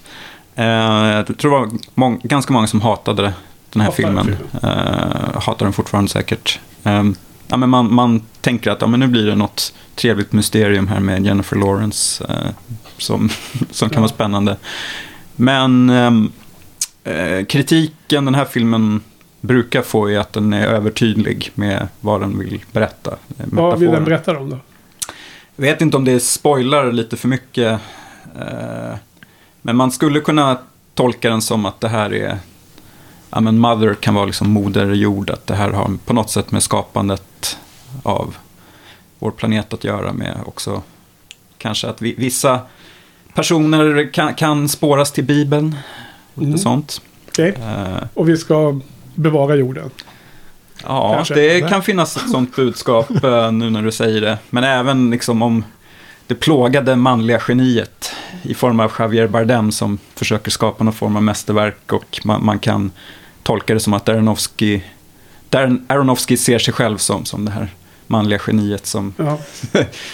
har svårt att skapa, men han behöver sin musa. Det är väl mm. roligt det här med just den sortens kritik. Folk blir superarga över att det är övertydligt men det är exakt vad det är som man försöker säga med den kan vara fem olika saker. Mm, precis. Så, fem olika personer tycker den är övertydlig på olika sätt. Ja. Det, mm. Det, är en styrka. Det är, mm. det är intressant, helt klart. Det måste vara på plussidan. Jag har inte sett den själv så jag kan inte kommentera så mycket mer. Har ni sett den? Du har sett den Johan, du då Karl? Ja, den är lysande. Mm. Ja, bub bubblar hos dig? Ja. Varför är den lysande då? Eh, alltså, jag är ju lite svag för också sådär religiösa övertoner och så, övertydliga allegorier. Mm. och även hel, allt det där alltså, stressiga kaosberättandet är, är ju också riktigt härligt. Mm. Det är ju liksom good time, ja. eh, fast kanske ännu mer mm. uppskruvat. Eh, skulle jag säga. Ännu mer uppskruvad? Ja, okay. det, ja. ja. Jag har inte sett någon av dem, men jag har ju, man får ju en bild i huvudet när ni beskriver. Du då Johan, varför är den bra? Jo, men det är just den här... Ja, dels alla, allt man kan läsa in, så att säga. Eh, nu kommer jag inte ihåg så där i detalj vad, vad jag, exakt vad jag läste in. Men det har en del med, du vet... Men det var jäkla så övertygd. Ah. Oavsett. Men det har en del med så sociala medier säkert att göra här för mig. Eh, mm. var något jag snappade upp här för mig. Men eh, sen är det det här hur den eskalerar och blir helt vansinnig. Alltså det... Och det, det, det blir en sån här ohållbar situation. Alltså man, det börjar lite smått. Och sen blir det en liten grej till, en liten grej till. Och sen är det som att hon kan inte komma ur den där situationen. Ja, det är fruktansvärt. Uh, Men vi, vi pratade, den kom in på horror-området alltså, då, eller? Mm. Blir det inte lite surrealistiskt till slut? Alltså, ja, ja, det blir det definitivt. Eller ganska mycket. Och eh, Aronofsky, han, han verkar ju gilla de här bibliska övertonerna med Noah, med Russell Crowe som Just det. Eh, är väl en lite Noahs vattendelare. Ja. Eh. ja, den har jag inte ens varit intresserad av att se. Ja, jag tycker den är ganska bra. Är Men jag, jag gillar som sagt den delen av Aronofsky. Ja, jag gillar ju The Fountain och den här eh, om eh, de som... Black alltså, Swan. Ja, Black Swan. Ja, den, det är väl hans väldigt, mästerverk tycker jag. Väldigt eh, isande eh, thriller, eller vad ska man kalla det? Mm. Den var ryslig, mm. men väldigt bra. Ja. Såg den på bio, då är det extra starkt. Ja. Och den har ju motsvarande eskalerande stressnivå till ja. att bara tappa kontrollen över situationen. Så gillar man den. Var det Natalie Portman? Ja, ja just Fick väl en Oscar kanske? Ja. Kan det stämmer. stämmer. Mm. Ja, och så det, det, jag förstår att det är en stark eh, tips från er alla då. då. Eh, men det var bara du som hade fått med den på listan och mm. på sjunde plats. Så det är bara bättre filmer kvar nu. Ja, det är sanslöst. Ja. Jag, jag, hade faktiskt med den eh, då 2017. Ja. Men den åkte ut nu faktiskt. Ja. Mm. ja, vi hoppar min sjua. Det får vi prata om i nästa program. Och vi hoppar din eh, sexa, Johan. Mm. Så vi kommer till Karl igen. Vi har kommit in på sjätteplacerade. Vi har två filmer här att avhandla. Börjar närma oss eh, början av slutet på det här första avsnittet. Så Karl, vilken har du på sjätte plats? Vad kan det vara? Kan det vara något från Asien? Från någon eh, regissör som mm. ofta återkommer på dina topplistor. Mm, äntligen Hong Sang-soo. Eh, On the beach at night alone. Ja. Mm. Eh, kanske hans senaste någorlunda lättsamma film. Eh, den här kom ju då precis efter att eh, hans relation med eh, skådespelerskan Kim Min blev offentlig. Eh, och var en stor skandal. Um, och den här filmen handlar ju då om... Ja, äldre regissör, yngre vacker skådespelerska. Ja, precis. Ja. Eh, så den här filmen handlar ju då om eh, en skådespelerska, vet man inte från början förvisso, eh, spelad av Kim Min eh, som har stuckit till Tyskland för att eh, fundera över sin relation med en äldre man hemma i Korea. Eh, som eh, väl är regissör också. Råkar vara regissör, ja. ja. Så glider hon runt där i Tyskland och eh, är lite vilsen. Eh, förr eller senare åker tillbaka till Korea. Och är lite vilsen där, men träffar på massa folk som eh, man inte är riktigt säker på var, eh, vem det är och varför, vad man har för relation till. Eh, så det är som vanligt sådär lite planlös eh, historia. Man har väldigt, väldigt lite exposition. Man vet inte vad det handlar om. eh, men det är massa härliga dialoger. Eh, och lite attityd och frustration från, från henne och alla. Särskilt när uh, Sojun kommer fram. Och, och sitter och super till. um, ja, vad ska man säga? Det är som sagt, är, efter den här så har hans filmer blivit mer och mer dystra och handlar mer och mer om åldrande. Den här är fortfarande lite små... Alltså, hon våndas ju väldigt mycket den här eh, rollfiguren. Men eh, gör ändå med viss ungdomlig lättsamhet. Mm. Jag tror att vi kan ha sett den på filmfestivalen tillsammans. Uh, för den, uh, jag minns den som lite småputtrig och skoj och lite Woody Allensk nästan. Uh, men den gav nog ingen mer smak för jag har inte sett några fler av hans filmer sen och att de har blivit dystrare låter inte så positivt. Men då får jag väl gå tillbaka i tiden istället om jag ska se något mer av honom. Ja, det är ju ett hett tips. Mm. Eh, se allt innan dess. 2016 och bakåt, två filmer om året kanske. Oh. Men eh, han har ju också två filmer på årets filmfestival oh. som kommer upp i mm. november. Varav i alla fall den ena har Kimini i huvudrollen. Mm. Värt att se. Ja, jag vet inte om vi såg den tillsammans. Nej. För jag såg den i alla fall. Antagligen på samma festival i alla fall. Eh, jag, jag, tyckte den var svinbra. Eh, den är också helt ut, precis utanför min topp 10. Eh, framförallt den kvinnliga huvudrollsinnehavaren var ju väldigt betuttad i. Hon var ju väldigt bra. Ja, hon, helt har, enkelt. hon har en väldigt speciell eh, närvaro. Ja. Ja, men det var fascinerande. Och det, eh, en film som var på mig att jag tänkte att jag skulle se om en del på det. Men sen fick, hittade jag aldrig få tag på den på något sätt. Och jag vet inte. Ja, den, den ligger, jag har snart nämnt väldigt många av mina filmer på mina bubblare här. Mina 11 till 20. Men den är ju med bland dem då. Sen så var jag ju lite förtjust i den regissören och inte minst för den här filmen. Så att jag tror att du och jag Carl och kanske Johan eller sånt där gick och såg Claires kamera mm. på Filmhuset, Cinemateket. Och Just det. det var inte en bra film. På den här nivån i alla fall. Kom också ut samma år kanske. Ja, ja, precis, men den, ja, precis. Den slängde han ihop eh, när han var och besökte Cannes filmfestival. Ja, och, nej, eh, var inte för att få åka dit. ja, passa på för att eh, det är någon eh, fransk Ja, någon eh, Isabelle Huppert ja. är ju med där. Så mm. hade han väl tillgång till henne så slängde mm. ihop. Han, han, är ju sån som skriver manus på morgonen och så spelar man in. ja. Ja, nej, men så här har jag all cred till. Jag tyckte den var riktigt nice. Uh, har du sett den Johan? Nej, jag, nej. har inte sett en enda av hans filmer. Det uh, verkar finnas många att välja på också. Mm. börjar bli ett ställningstagande. On the beach, at night alone. Okay. En intressant uh, poster också. Uh, hon ligger på stranden där i sanden. Om natten. Ja, jag... Så de gör det.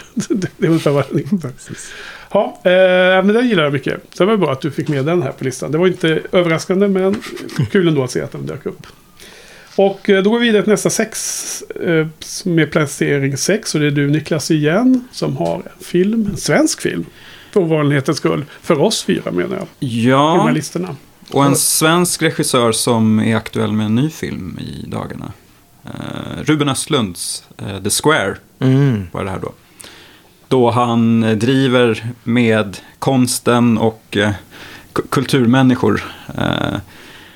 Har är, väl... är det som är eller? Ja, eller vi... är vi kulturmänniskor inom, inne i den... I finrummet. Kom, ja, finrummet ja. Vi är inte i något finrum. Nej, nej, vi är, vi är Även om det här rummet är jättefint som vi spelar ja. in i. Men...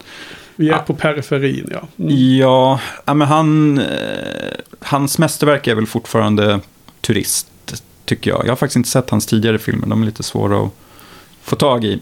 Uh, och jag har inte sett Triangle of Sadness än, men The Square gillade jag väl framförallt för att den är, känns ganska oförutsägbar. Det känns, alltså han, han har ju svårt för det här med kill your darlings, känns det som. Eh, han vill ha kvar alla scener. Filmen är 151 minuter lång, så även om jag ville se om den så fanns det inte möjlighet. Men eh, det kretsar väl kring då eh, han Claes Bang, eh, danska skådespelarens karaktär. Som eh, han arbetar väl i Stockholm på något, om det var ett konstmuseum eller liknande. Och de ska väl alltid liksom toppa liksom, eh, det senaste med något ännu mer tankeväckande liksom, utställning. Och den scenen som man förmodligen känner igen från den här är väl på en någon sån middagsbjudning eller vad det är då. En person som är, beter sig som en apa. Eller som en schimpans eller någonting. Ja, det ska vara sån awkward scen. Ja, eh, som liksom går runt och eh, eh gör människor obekväma och till, sli, till slut eh, ja, sprider, sprider skräck. Det är också en sån här sekvens som eskalerar. Ja, det gör det liksom, den ju verkligen. Har du sett filmen Johan? Ja, jag har sett den. Den är, den är en bubblare. Ja. Nära att komma in. Ja. Kul, kul är att han som spelar den här eh, apmänniskan då. Det är väl han som, jag tror han heter kan, Terry No- Notary. Notary. Notary, notary. Precis. Det är väl han, han spelar väl alltid i de här Rise of the Planet of the Ja. Apes-filmerna för att han, han har bemästrat det här liksom, de rörelserna helt enkelt. Eh, som en schimpans, eller vad det nu var. Eh, nej, men jag tycker det känns, Ruben Östlund behövs eh, fortfarande. Kanske börjar bli lite grinig och, och hybris. men det är uppfriskande. Mm. Eller vad tycker du, Carl? Ja, ja, ja, det är det väl. Det man, det man önskar från honom är ju att han bara skulle ta ett litet steg tillbaka och vara tyst efter att han har levererat filmen. Ja. Eh, Han har ju egenheten att vilja förklara sina intentioner och det är ju aldrig bra. Nej. Men eh, ja, det här är ju också en bubblare för mig. Mm. Just, eh, riktigt, riktigt bra. Ehm, det, det är lite intressant där att 2017 är ju ett speciellt år för att metoo kom på hösten där och eh, året innan så eh, blev ju Trump president. eh, Då. Så det är lite brytpunkt till det kaos vi är nu kanske. Eh, och då är ju den här ganska intressant just det där med, med eh, här eh, lite sociala eh, reglerna som folk försöker hålla kvar i trots att det är någon eh, uppenbara dumheter som pågår. Så, ehm, att det någonstans kanske brister. Mm. Ligger rätt i tiden. Ja. Fingret på pulsen. Och eh, for, fortfarande rätt i tiden eller? Ja, det, det gör den nog. Ehm, eller det, det, den ligger nog i tiden. Jag vill som sagt se om den, men hanns inte med för att den är ganska lång. Den är för lång ja. Ja. Och du då Johan? Nej, jag håller med. Det är en suverän film faktiskt. Eh, jag gillar ju Ruben Östlund överlag. Eh, jag har inte sett Triangle of Sadness och inte Det ofrivilliga, men jag har sett övriga. Eh, Play kan jag verkligen rekommendera. Det är nästan så jag tycker det är hans bästa faktiskt. Mhm. Även de ofrivilliga. Också ett mästerverk. Ja, och jag känner det. Det är så här skämskudde-varning på den. Liksom för att eh, man känner sig pinsam. Det är en röd tråd i hans Ja, filmer. det är det verkligen. Ja, Ja, nej jag har inte sett den. Och, eh, men det, det låter ju spännande. Förutom då 151 minuter. Det låter ju o- oaptitligt. ja. Ehm, Okej, nu har vi eh, diskat av ända upp till sjätteplacerade. Nu ska vi komma in på nivå 5 på listorna. Och nu ska vi ha lite musikunderhållning. Fylla på lite vatten här i glasen och sträcka på benen. Eh, så att nu kommer nästa film. Vi har bara två eh, filmer vi ska presentera här på nivå 5. Och nästa har musik som låter så här.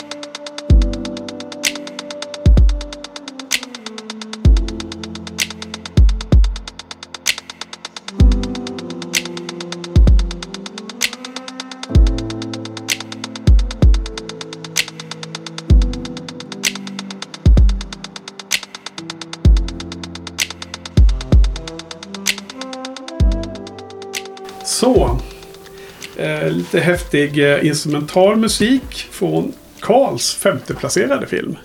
Jajamän. Eh, Från filmfestivalen 2017. ja, det lär det ha varit. Ja. Men det är också en film som jag har sett om flest gånger sedan dess. Det Jaha. är eh, Gemini av Aaron Katz. Ehm, Inte Gemini Man. Nej. Eh, det är kanske därför ingen ser den här. För att den har ett så dåligt namn. Ehm, Aaron Katz är en av Mumblecore-grundarna påstås det. Eh, tillsammans med Joe Swanberg och sådana. Eh, och detta är ju då något av en mumblecore noir. Eh, också något av en tjej-noir. Eh, utan att det ska vara förminskande på något sätt. Eh, handlar om Zoe Kravitz som eh, spelar någon eh, Hollywood-stjärna på väg upp. Eh, och hennes assistent spelad av Lola Kirk. Eh, och det är ju som sagt en noir-film. Eh, som utspelar sig någonstans där i, i eh, Hollywood. Eh, det sker ett brott och eh, eh, Lola Kirk måste eh, försöka bevisa sin oskuld, smita undan polisen och lite sånt där. Um, och ja, den är, det är bara en eh, riktigt, riktigt härlig neo-noir med då istället för en eh, hård Humphrey Bogart någonstans så har man en då lite eh, så lågaffektiv eh, Lola Kirk som glider runt och jagas bland annat av polis spelad av John Cho. Dyker upp igen. Förekommer det någon om fatal? Eh, nej, absolut inte. Nej. Då hade det varit passande Johan. Eller, ja, nej. Nej, precis. Um, men... Uh, ja. Det skulle väl vara hon uh, Kravitz då? Ja, det är väl absolut, kan man, kan man säga. Um, Fast det ska vara en manlig då i det här fallet, var min tanke. Ja, men det kommer inte undan en fem fatal noir, hur man än gör. Nej. Precis. Det, är, det finns utrymme för en hbtq-vinkel eh, eh på, på även noir-genren. Men den, ja, kvar. Ja, jag såg den på filmfestivalen. Tyckte mm. den var riktigt nice. Uh, den är också någonstans uppe på listan någonstans. Men uh, det var, den gav inte samma uh, pangintryck så att jag har sett om den massor med gånger. Och jag har inte sett om den inför det här heller. Men hon Lola Kirk är väl den som är huvudpersonen här och tyckte hon var bra. Ja, exakt. Um, och det, det, handlar ju väldigt mycket om då eh, relationen mellan en personlig assistent och en Hollywoodstjärna och sen lite hur andra så, eh, professionella relationer till en liten Hollywoodstjärna är. Vilken, mm. Hur viktiga de är i sammanhanget. Och det är ju lite motsvarande som en vanlig noir då man ser hur de små maskinerna tuggas av, eh, små människorna tuggas av maskineriet. Mm. Eh, ett korrupt system. Men här är det väldigt, ja. väldigt eh, småskaligt snarare. Jag kommer ihåg att det var mycket så här nattetid och det var mycket nattklubbar och de gled omkring i så här va? Ja, precis. Härliga miljöer. Ja. Det, var, det är det jag kommer ihåg från filmen. Jag kommer inte ihåg så mycket om noir-elementen faktiskt. Nej, men det, det, är väl också sånt som framförallt hör till neo-noir kanske. Att det är mycket glida runt på gatorna på natten till skön, skönt soundtrack. Mm. Det kommer man långt på. Låter rätt lockande faktiskt. Måste jag säga. Mm. Har du sett den Niklas? Jag såg den på filmfestivalen och tyckte inte om den alls. Ja. Eh, tyvärr. Men visst åkte omkring på natten? Ja, det var mycket åka omkring och hänga. Ja. Jag tror att den här filmen fick mig att så här, ifrågasätta om jag tycker om noir-filmer överhuvudtaget. Mm. Eh, men eh, nu, det du berättar här känns ändå som bitarna faller på plats. För mumblecore är ju något som borde utrotas. ja, jag har ju varit lite förtjust i dem. Eh, Greta Gerwig är ju med i den där. Ja, jo, hon är ju för sig bra. men jag tror jag hakade upp mig på att mysteriet i filmen var inget mysterium alls i princip, har jag för mig. Det låter ju bättre nu när du beskriver det att alltså Hollywood-satir är alltid välkommet och jag vet inte. Jag kanske inte skulle ha haft så höga förväntningar. Jag trott att det skulle vara någon David Lynch uh, Mulholland Drive-aktigt. Mm. Då blir man besviken. Nej, men jag gissar Carl, du, du gillar väl ofta filmer med, med en viss stämning i. Alltså en bra stämning kan ju räcka långt för dig, är min Ja, ja, absolut. Och jag är ju supersvag för noir-genren i, mm. som sådan. Så. Ja, nej, jag har ju också haft lite svårt att bryta igenom och verkligen känna att noir-filmer är bra för mig. Men sen hade vi ju en liten uh, The Big Sleep-festival här hemma, du och jag. Karl. Ja. Och det, det är ju riktigt nice. Så att det, det, är inte så att jag inte kan gilla noir, det är uppenbart det. Jag gillar ju Sunset Boulevard och lite andra sådana här kända mm. filmer från 50-tal eller vad det kan vara. Men eh, nej, jag kommer ihåg den här som på plus, eh, på plus men inte liksom topplistefilm för mig då. Men bara se det en gång. Fråga, eh, Lola Kirk, var, är, var har man sett henne tidigare? Eller? Ja, man har ju sett henne någonstans tidigare men jag kommer inte ihåg det nu. Jag känner igen namnet men jag kan inte placera le, le, Let's know it eh, Johan. Nu, jag kollar upp här lite snabbt Johan under klippet. Hon spelar huvudrollen i den jättebra tv-serien Mozart in the Jungle. Som jag därmed kan tipsa till alla. Som är en underbar tv-serie som är slut. Eh, och hon spelade huvudrollen tillsammans med Greta Gerwig i Mistress America. Mm. Och sen hade hon någon form av roll i Gone Girl också. Stod det på IMDB i alla fall. Mm. Så vi har, vi har sett henne flera gånger. Då kommer vi till min sjätte placerade. Nej, vi är ju på plats fem. Hojta till här och på att gå bort mig. Jag känner inte alls igen mig i min egen lista. Jo, på plats fem då, högt upp. Över halvan av topp 10. Det är ändå lite, lite signifikant tycker jag. Lite. Jag brukar liksom, det är över halvan eller under. Det är liksom första uh, grova gallringen. Det har kommit in hos mig nu då. Och då är det en film som heter The Hero. Och uh, Brett uh, Haley. som jag inte har sett något annat av, tror jag. Det här är väl en, inte någon Boats eller biografi, även om det känns så. Det är en American Independent med huvudrollen är Sam Elliott och sen är det Laura Pep Prepon. Laura Prepon. Uh, ni vet hon från uh, den där tv-serien, vad heter den? Uh, 70 Show. Yes. Och sen har då Nick Offerman en ganska stor biroll. Mm. Och uh, Sam Elliott spelar då en äldre man men nog ganska lik honom i verkligheten då. Alltså en väldigt bra casting. Som är en sån här före detta western eh, stjärnskådespelare som är på eh, ålderns höst helt enkelt. Och eh, så hon spelar eh, en yngre eh, stand-up comedian som han träffar. I, och det är också lite mer så här. Det är ingen roadtrip för de är bara i Los Angeles. Men det är liksom en sån film man bara hänger med dem under filmens gång. Och det handlar ju om eh, åldrande och igen då sorg och saknad och lite sådana saker som jag kan bli väldigt eh, berörd av helt enkelt. Och sen tycker jag båda de här skådespelarna är otroligt bra. Um, och jag har skrivit att det är min obligatoriska American Independent-film på listan. Och då så är det ju lite. Jag gillar ju genren väldigt mycket. Um, så att med den personliga igenkänningsfaktorn utan att egentligen varit i de här specifika situationerna så är det något i tonen och något i känslan som förmedlas som är det som känns igen liksom. Som man, man får en resonans i då. Ehm, ja, så att... Eh, jag har inte så mycket mer att säga. Jag bara tycker den är riktigt nice. Och jag, jag, vet inte ens om jag kan rekommendera den till var och varannan. Utan det är, det är liksom man, om man gillar de här smalare amerikanska filmerna som är väldigt eh, dramadrivna, dialogdrivna och nästan alltid har en, en, en portion humor i också. De, de är ju sällan liksom så tunga att det blir besvärligt att ta sig igenom en film helt och hållet. men nu, nu handlar det om att eh, en person som har cancer och sådana grejer. Liksom. Det är inte jättelustigt eh, situation de är i, men det blir ändå en, en, eh, det finns en lättsamhet i hur de behandlar ämnet då som jag uppskattar lite. Uh, men för rätt personer och som typ gillar samma filmer som jag så är det absolut en jättestark rekommendation. Är det någon av er som har sett denna? Den gick på festivalen. Det var då jag såg den. Filmfestivalen. Nej, inte sett. Jag är lite osäker faktiskt. Jag har känslan av att jag faktiskt såg den där. Ja.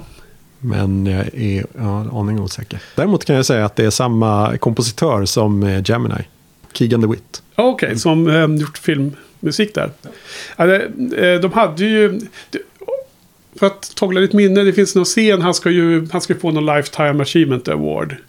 Och så, så tar han med sig hon, Laura Prepon-karaktären. Och så råkar de ta eh, acid på vägen dit. Så att den, den blir också, på tal om eskalerande och urballad scen. Eh, kommer du ihåg? Nej, kanske inte. Ja. Där, där var det någon bra musik i alla fall som jag tänkte haft med här. Men jag valde andra låtar istället. Så den kom inte med tyvärr. Det var den i alla fall. Nu är vi väldigt nära slutet här på detta avsnitt. Nu har vi bara två låtar, jag säga, två eh, filmer kvar att prata om. Och det är de De, de två som är då på fjärdeplacerade och som fortfarande är outliers. Och Johan, det är din eh, fyra som vi kommer till nu. Som är dagens näst sista film att prata om. Så vilken har du på fjärde plats Johan? Ja, eh, du var inne lite på det här Henke, med din tia här för mig. Det här med komedier. Ja. Och att det är kul att lyfta sådana. Eh, och det är, inte, det är inte speciellt ofta jag har med komedier på mina listor. Det är lite samma med dokumentärer. Eh, Och va- varför har du inte med komedierna då tror du? Ja, men det är nog lite som du är inne på. Att man ser det på något sätt som underhållning för stunden. Och sen kanske de försvinner. Och då tycker man att de är inte riktigt värda att vara med kanske. Men den här såg jag på Stockholm filmdagar. Eh, och som förberedelse inför det så såg jag eh, Tommy Wiseaus eh, The Room. Vilket var en plåga. Det var, det var bland det värsta jag varit med om. Eh, det var riktigt jobbigt. Alltså, vissa tycker ju om såna här eh, filmer som är så dåliga att de blir bra på något sätt. Jag har inte den genen. Utan jag tyckte bara det var värdelöst. Men det var ju värt eh, arbetet. För att sen så såg jag då eh, The Disaster Artist. eh, Med, eh, vad är han heter nu då? Franco. James Franco. James Franco heter han, ja precis. Men nej, nu är det totalt hjärnsläpp. Han som spelar i eh, eh, den här... Eh, vad, vad heter den här Spring Breakers? ja. Det är James Franco. Ja, ja. Ja, men okej. Bra. Tack. Alien från Spring Breakers. Ja, Alien, ja. Precis. Ja. men han spelar ju då Tommy Wiseau. Och det man får följa här det- är ju då eh, filminspelningen. Eh, eller liksom, Av The Room. The, Room, ja precis. Som, The Room anses ju vara typ världens sämsta film. Eller något sånt där. Och det, det har blivit en sån kultfilm. Med, man har speciella visningar där man ska göra vissa saker under vissa scener. Kasta bestick på duken och vad det nu är man ska göra. Visst är det något sånt? Kanske. Men, äh, men jag tyckte den här var helt underbar. Eh, jag skrattade läppen av mig helt enkelt. Ja. Eh, James Franco har ju fångat han Tommy Wiseaus stil och sätt att prata och allting. Eh, men sen i grunden på något sätt är den ändå en, en ganska fin film om vänskap egentligen mellan Tommy Wiseau och eh, vad heter den nu då? Ser, mm, ja, En kompis. en, en kompis, en skådis som är med i den här The Room också.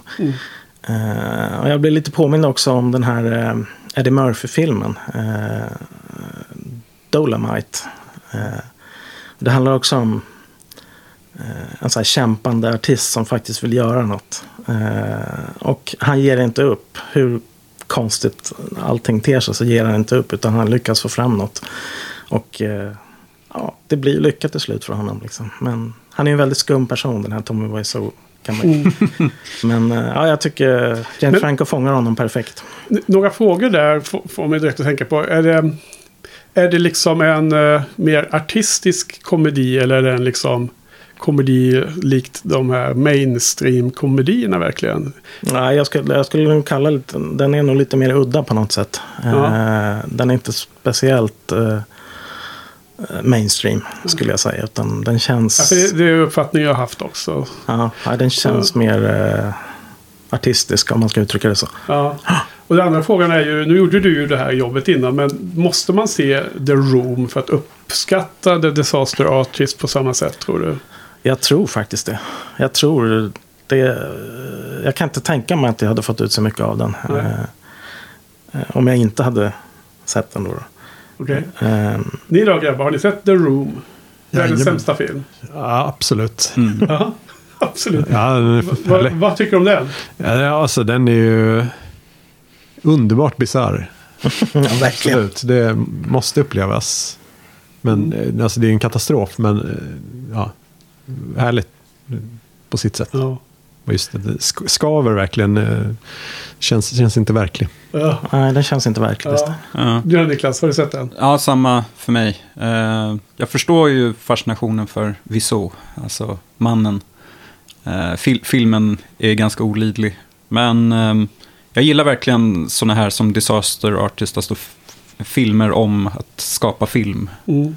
Men lite som typ Tim Burtons Ed Wood. Eh, som väl handlar om den tidens sämsta film. Mm. Eh, och liksom spelet bakom kulisserna. Så det här är väl någon uppdatering på det Mm, kan man säga. Okej. Och den är väl mer artistisk som Jojje säger. Även om det är liksom såna här skådisar som mest brukar figurera i så Seth Rogen-filmer. Liksom. Så kanske man kan tro att den är lite mer brajhumoraktig, jag vet inte. Så du gillar den också? Det, jag gillar den också, det, det om det inte framgick. Men Nej. den är bra. Den är bra. Och du då Carl, den här filmen? Ja, det var en bubblare för mig också. Ja. Den är... Alltså vi, vi ändå täcker in ganska väl varandras bubblare när vi inte fått lika mycket överlapp eh, men ändå ofta med högt upp. Anledningen till att jag var lite förvirrad med eh, James Francos namn där är ju att Dave Franco är med också. Mm. Brorsan. Alltså, Bro, brorsin. Han spelar den här Greg Sestero. Som blir vän med YSO. Och det är han som har skrivit boken också. The Disaster Artist. Som Vem? Greg. Ja, kompisen. En av skådisarna i filmen. Ja. In, inte... Inte Dave Franco. Nej, Nej precis. Mm. Utan den rollfiguren han spelar. Ja. Mm. Yes. Ja, ytterligare ett tips. Jag har inte sett den så att jag kan inte bidra till hyllningarna.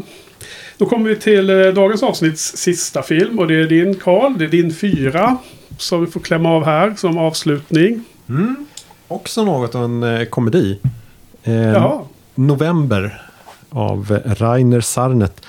En estländsk svartvit film. Ja. Johan gör en, en min här. Ja.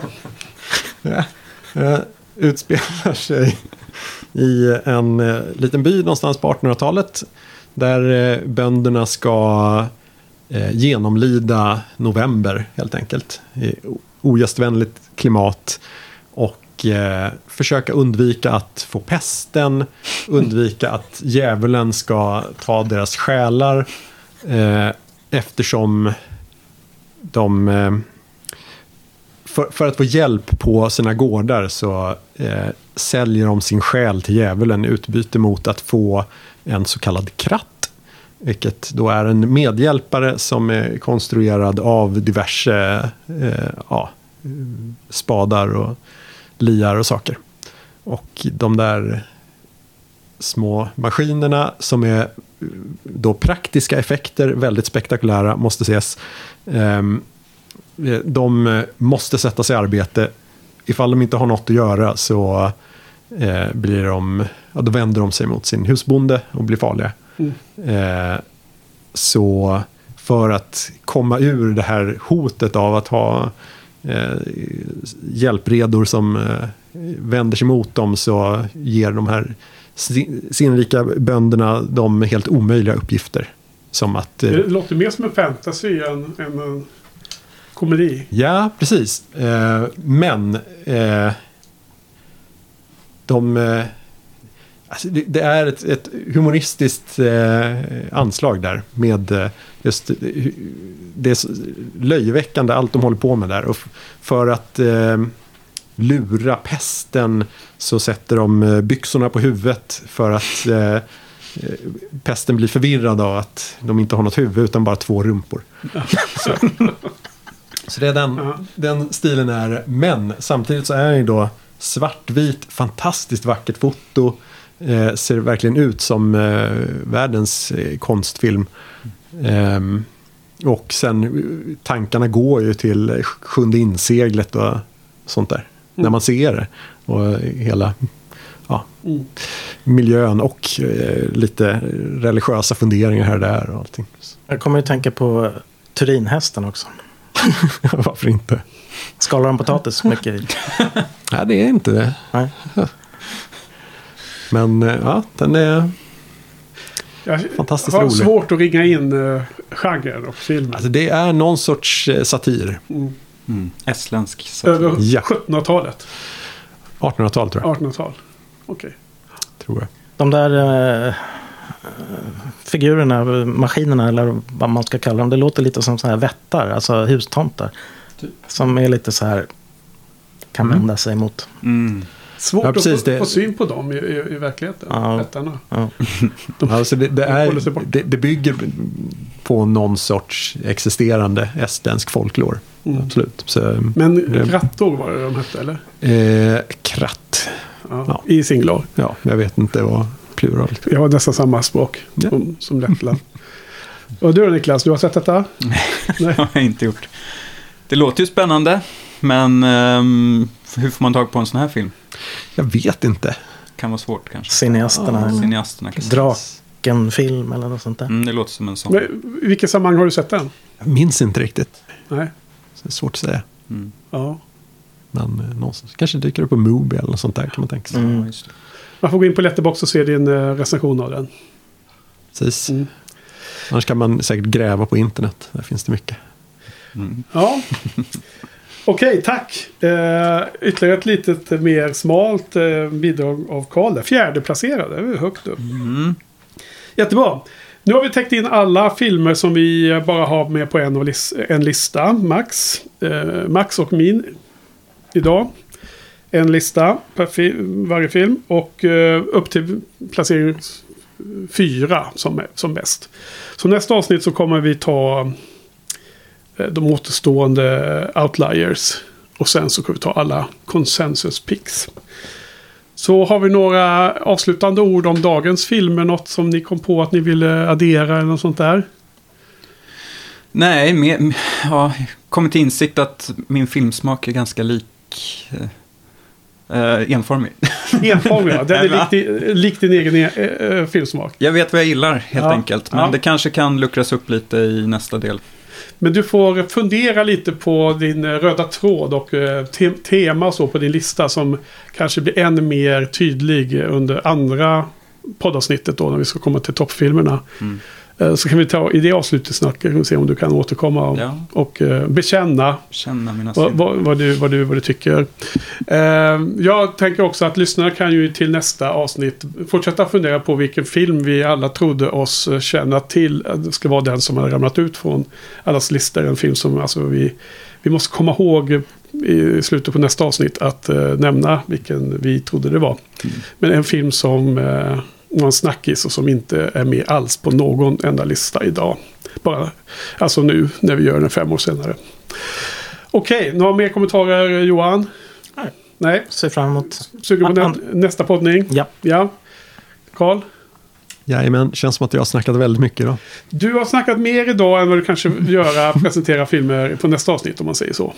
Ja, det blir en, eh, det blir en eh, Eh, blandar ut sig lite så då över, över två avsnitt får vi se på. Så.